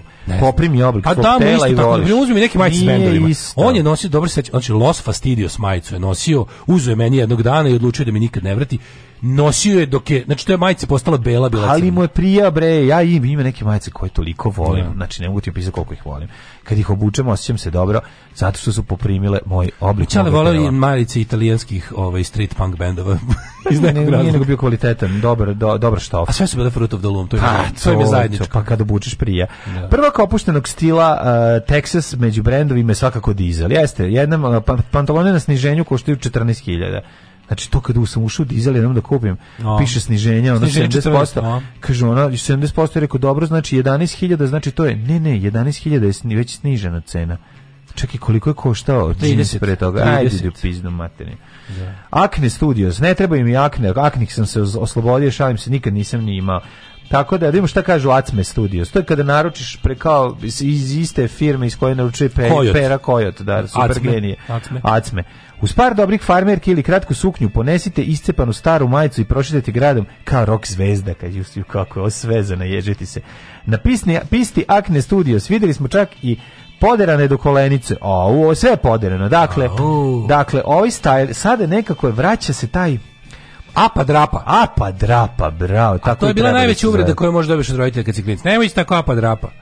A, on, a to je bio moj smisao života. Apa drapa. Ja sad volim da sam apa, strapa, apa drapa. To, to je najlepše nešto na svetu. Ape drape. Znaš kako volim? A znaš, znaš ima Američka... Farke, znaš neke to, znaš cipele, patike. Znaš odakle... Jedna majica benda i sako preko. Pa nema ništa. Možeš ući i u staklenu zgradu, a možeš ići na koncert. A ja, ja kad, tako? Imaš, imaš u glavi ka, kakav si ti se, kad misliš o, da. kao kad misliš o sebi. Ja mislim kad, lepo sebi. Kad zamisliš sebe. Kad zamišljaš sebe na gledalo, kad sam zgodan, to. Kad, kako zamisliš sebe? Skuratog. E, dobro, naravno to, nego kako se zove, kako zamisliš e, kakav si sebi u glavi kad zamisliš sebe? sebi? Ja sam sebi uvek u, u onim kao nekim... Aha, misliš kako izgledam? Kako sebi izgledam? Ka, kako, šta si default ti sebi? Kao ja basics ti. No, onako baš ja kao da sam čekaj. Basic ti. Ja da, sam da, sebi da, to majica benda, bermude, zelene vojne Ne, i i ove kako se zove i neke ono Adidas Vans ne. plitke. Ja sam muški pantalone. Ja sam bio letnji.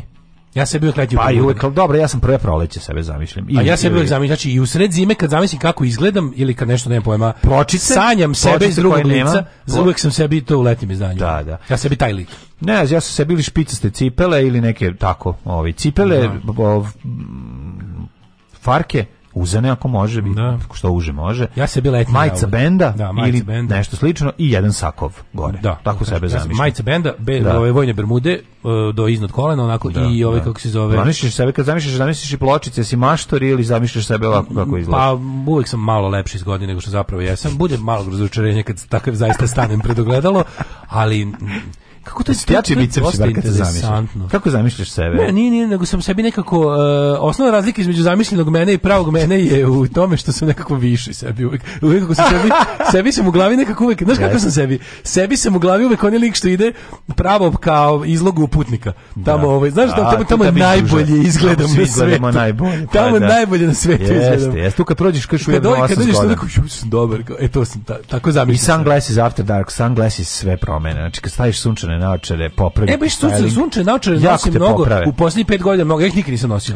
A sad kad sam skontao da mogu da, da. kupujem one, one, one, kako se zove, Roy Orbison za da, 500 dinara, da mogu da ih da, gubim da. koliko hoću, da, da, da, da, mnogo mi je bolje. I, jako je i, lepo. I, i, I to dodaje, bre, to dodaje. Pa mislim, avijator naočare poprave, e, avijator, jabukoglavu sa sela, gde neće tebe popraviti. Avijator mi, mi onako malo budem... A koje voliš? Pa te, te, tako kod tvoje samo sa, sa crnim staklima. Te mi, te mi najbolje stoje. Avijator mi nekako, mora da budu, avijator mora da pogodim bukvalno u pola centimetra veličine. Da, manje, ti stvari više ti odgovore na ne manje. Manje mi nekad, mm. nekad mm. znaju da bude previše male, pa mi onda glava bude puno glave okolo, a kad stavim veliki izgledam kao... Mula. Kao nešto nije u redu Kao da, da ono, kao da ide žiro račun ispod pa ono. A dobro, ima ko voli. Ja, nešto koje su dobre, e, Harry Callahan. E. Za, uh, jesi volete, jesi nosio nekad? E, uh, Meni ne stoje dobro, ja sam. A, sa Mirror, ono kao. One Hari Kalahan, uh, isto su Ray-Ban, ali nisu nisu ova aviator, nego su onako A, malo to su imaju... One, da, da, da, to su, te su kao hibrid ovi, ovi dvoje. Meni najlepše su one 50s Ray-Ban, te imam. Pa mislim kopiju njihovih naravno meni, meni ne. principu nešto nauče baš ne stoji dobro, al kako ako da taj najbolje mi stoje 50, ne Blues da, Brothers su naj su naj. zove taj model Ray Ban? Classic Ray Ban. Te, te su baš dobre. Classic Ray Ban, mislim naravno neki smo u životu im original, ali te koštaju 600 dinara pa mogu i da sednem. Naravno. To je lepo. Parmere jaru koču Daško i Mlađa, mađarske pičke.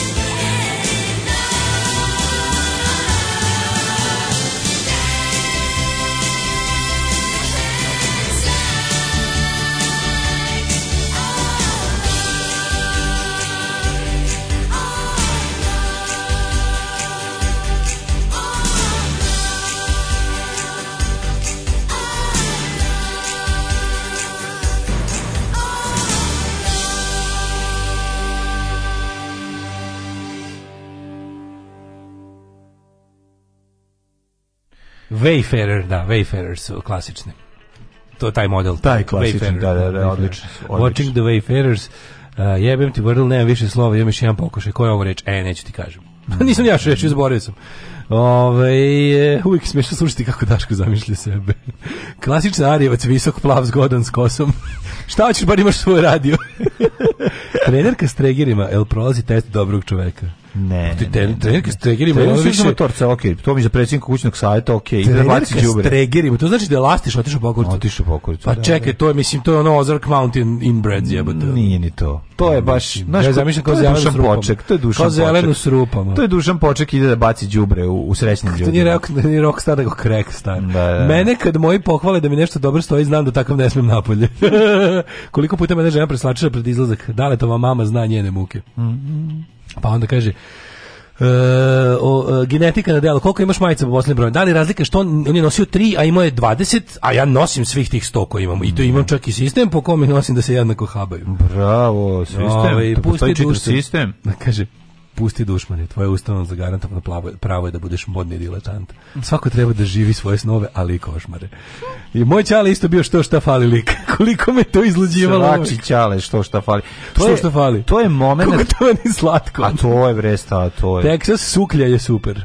Ja ne volim Texas suklje. A, to mi je baš jedino problem. Opet vas, slušam, opet vas slušamo iz Pupin palate gde rade mladi i uspešni ljudi, ukinulo blokadu streama. Opa! Ima nova pesma Nenad Cukić, au, ne znam, sutra sam rastrzan između Cukića i Beogradskog sindikata. Pa ja bi Beogradski sindikat, pa, pa onda možemo. A Beogradski sindikat ima sad ljubavno, jel da?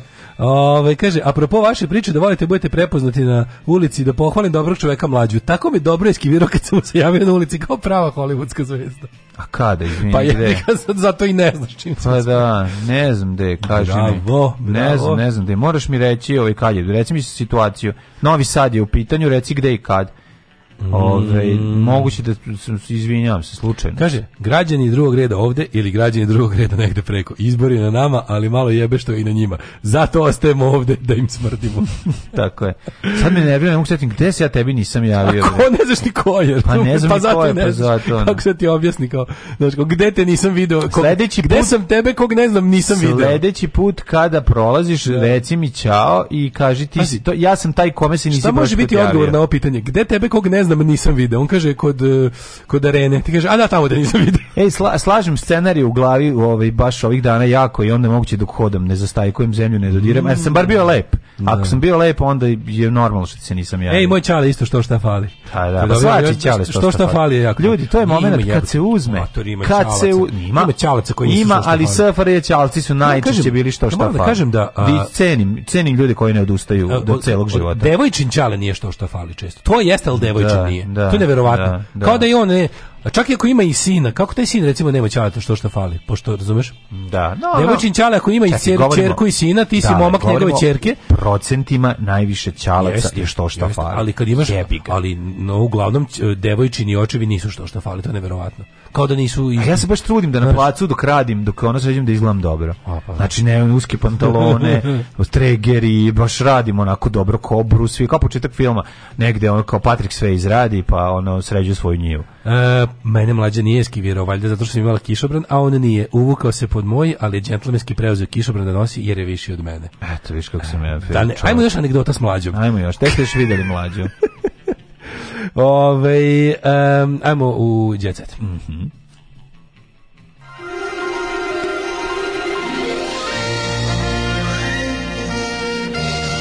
Jet Set.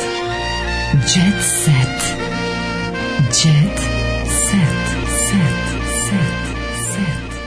Jedna devojka sa sa ćerkicom, mislim ona nam se mi se često javi nju sretnem tu negde živi okolo. Ona samo mahne slušalica, a ja kažem uvijek, ej, čao, čao, i javimo se tako. To, to, to, to se... Je dobro, a on, ovaj, ja ću poluditi dobro. A šta je s tim, ono, s tim Makronom, s tim Šiškama? On je već, s Feder Šiškama. Svi imaju Feder Šiške. Godinama već, ne, on, to je onaj isti. Da, da, da. On je isti, on je godinama. Ali sad svima ima stavljaju te Feder Šiške, jako smešno to. On isti, on je odustaje, klub Nina sprenoći, Ljubiša Vasić, vidi ga. Mhm. Evo i reality starlete u reali, u radama prostitucije. Vrbovo komšinice za prostituciju. Mhm. Teški dođe čovjek sa tim Šiškom narkomane da se vrbuje. Dobar, da, da to on, onda ti ponudi ne znam ne, šta, nije čemu se radi. Ti kad gledaš te šiške, te šiške zapravo omađijaju čoveka. A ja, bre. Pa slušaj, slušaj ovo, slušaj ovo, jebote, ovo je stvarno, ovo je najgori tekst. Čekaj, je to Buraze, je to prijatelj od Ljubiša sina, Vasić, da, od unuka, od da, Jere Ojdanića? Da, da, Ljubiša Vasić vrbova komšinicu za prostituciju, jedna od njih za blic.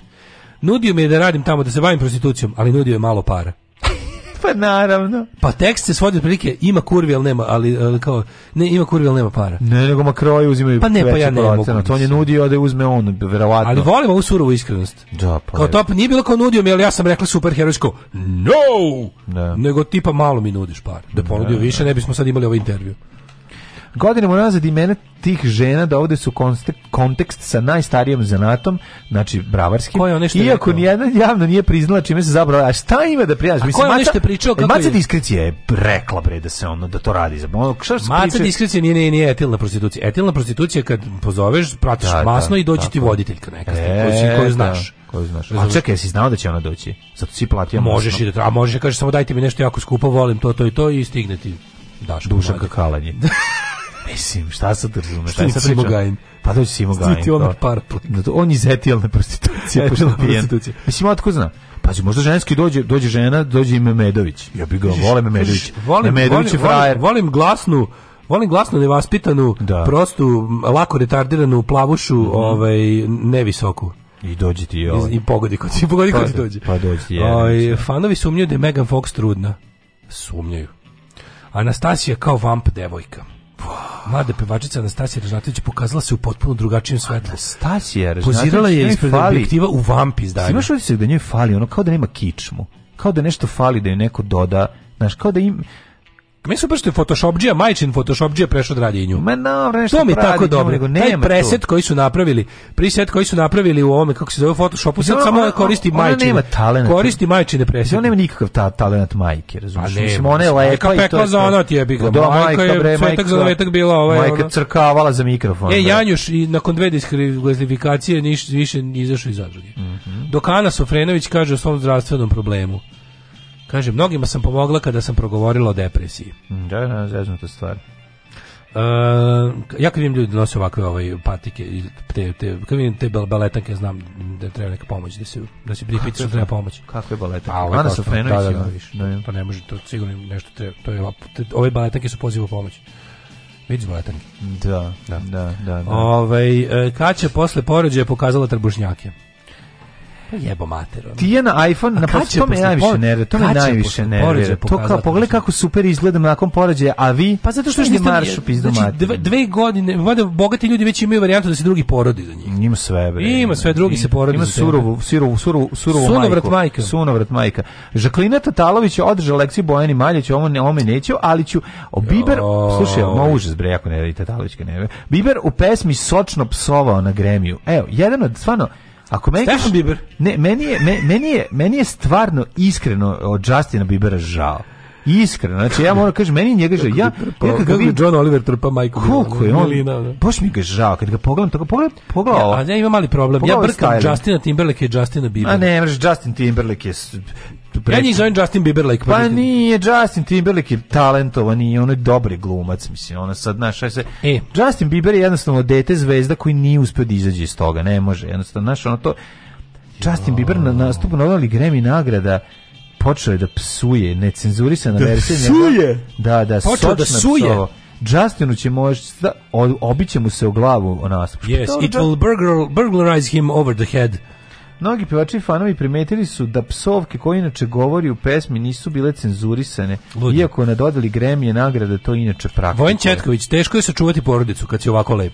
Pa teško je sačuvati porodicu. Meni, meni, meni, izvini, meni je Nekad ovo. imaš zmiju džepu. Mlađe, meni je ovo vez dan. Ja, ja, ja, znam da nije lepo, ali ja umirim od smeha na, na beskućnika koji je pogodio Snežan Dakić kamenom u glavu. Molim. To to li, izvinite, stvarno nije lepo, ali je smešno. Beskućnik, pa crazy, ono, street person, je odvalio kamen i rekao da smrdi parfem. Zamisli koliko je smešno. Mislim, baš mi briga smešno mi je, neću se izvinjati. Kupio je njen parfem sa njenim imenom. Beskućnik me gađao kamenom u glavu zbog parfema. I evo je, znači, Pa, pa, ja mogu je ubiti realno, znači gađao kako Alderman mi gađao. Molim, da. je pogodio u glavu? Ovaj kako se zove, uh, je li pogodio, pogodio glavu? glavu ima bre razboj, što on urgentno ima nosi čalmu, Ima čalmu, ali. Mi tako priča kako ona je jedna od najjadnijih osoba. Da, no, i, i, je je desio se ovo. Desio se dosta, da. Ne, ovo je baš tužno. Uh, vozim Barbaru u Beč da ju upoznao sa momkom. Darko. Mm -hmm. Darko, oni su se krasili u Novom Sadu. Zašto se svi skrasili u Novom Sadu? A, zato... Ajde skrasite se negde drugde da, u da. pičku materinu. Nada Topčagić nikada nije smela da održi koncert u Beogradu. Pevačica kaže Why? za sebe ima 47 godina karijere, ali nijedan solistički koncert. To nije u redu. Nada Topčagić mora imati jedan solistički koncert. Kako nema? Nikad nije napunila Sava centar nije, da, da, da. Pa brate, ne, nije imala solistički koncert je. Nikada. Nikada. Ni ni u domu sindikata. Pa da ona baš ima hitova za to, mislim. Ako može Vera Matović, može. Meni malo da priznam kad je bila ona kad je bila ona emisija Vučić i Bane, ovaj mm. Gari Visokak, tu Bane Gari Visokak mi je bio sladak samo jedne stvari što rekao, kao bi volao da napuniš, on je rekao, pa nisam ja za arenu, ja bih volao da napunim dom sindikata. A to je bilo nekako skoro da mi skoro da mi bio simpatičan. Ne znam, meni se koga mrzim. Došao bi puhovi na svirku ako ništa. Pa došao, došao bi Ibra. Ibra. I platio bi, celo i ona platio bi celo Malmeu da dođe. Pa da. E, Dejan Milićević, modni fotograf, smršao i poručio, želim da budem krupan čovek, a ne osušeni leš. Brate, znam, znam kako ti, ja sam sad na granici da jednostavno da odem u mršavost, ali neću. Ja umr Dejan Mijač. Da, on, žalost, odem Dejan Mijač a ovaj e, radile sa kotorskim s kotorskom madam znači ovde se sad radi opet imam, etilna prostitucija a etilna prostitucija eto ti da li imaš lepu fotografiju ne koju ćeš od ovih e, pet koju bi ja da sad da da da, da kad bi mogao da biraš Um, jel ti, jel ti nije o, žao mace su. diskrecije? Nije mi je žao, da. Pa, da. A svih mi, mi mi mi je žao. Nije žao ti mi mi Oro, nije to, nema tu, meni to, To je meni trafficking, nema tu meni Tako je, jako je trafficking. Ne mogu da se ložiti. Jako je trafficking, to. mi je, to mi je malo problem. Tu, nema Ti tu znaš da seksija. da sam ja. Nema, nema, nema mene, mene, mene, mene, ja bi njoj napravio sendvič i ordao bi da se istušira i rekao bi, i bio bi, bio bi guza iz boljeg ja, života. Vidi, ovo, bio bi guza iz boljeg to, života, dao ja bi. Ja mogu umirati od smeha i guzit, ali ne mogu plakati i guzit. Nema plakanja, ne nemaš, nema, tako je, tako je. Imam tako ja svoje granice. Tako je. imam ja šta kad kad omekšam. možeš da si bukvalno ne srce. Možeš da se istuširaš, napraviću ti sendvič, idi kući. Tako je. Idi dalje, ja ti ovde pomoć pomoći Platit ću ja, ali da ne radimo ništa. Tako je. Oh, Tekst čitali Mladin Urdarević i Daško Milinović. Ah, Ton majstor Richard Merc. Alarm. Realizacija Slavko Tatić. Urednik programa za mlade Donka Špiček. Alarms svakog radnog jutra od 7 do 10. Oh,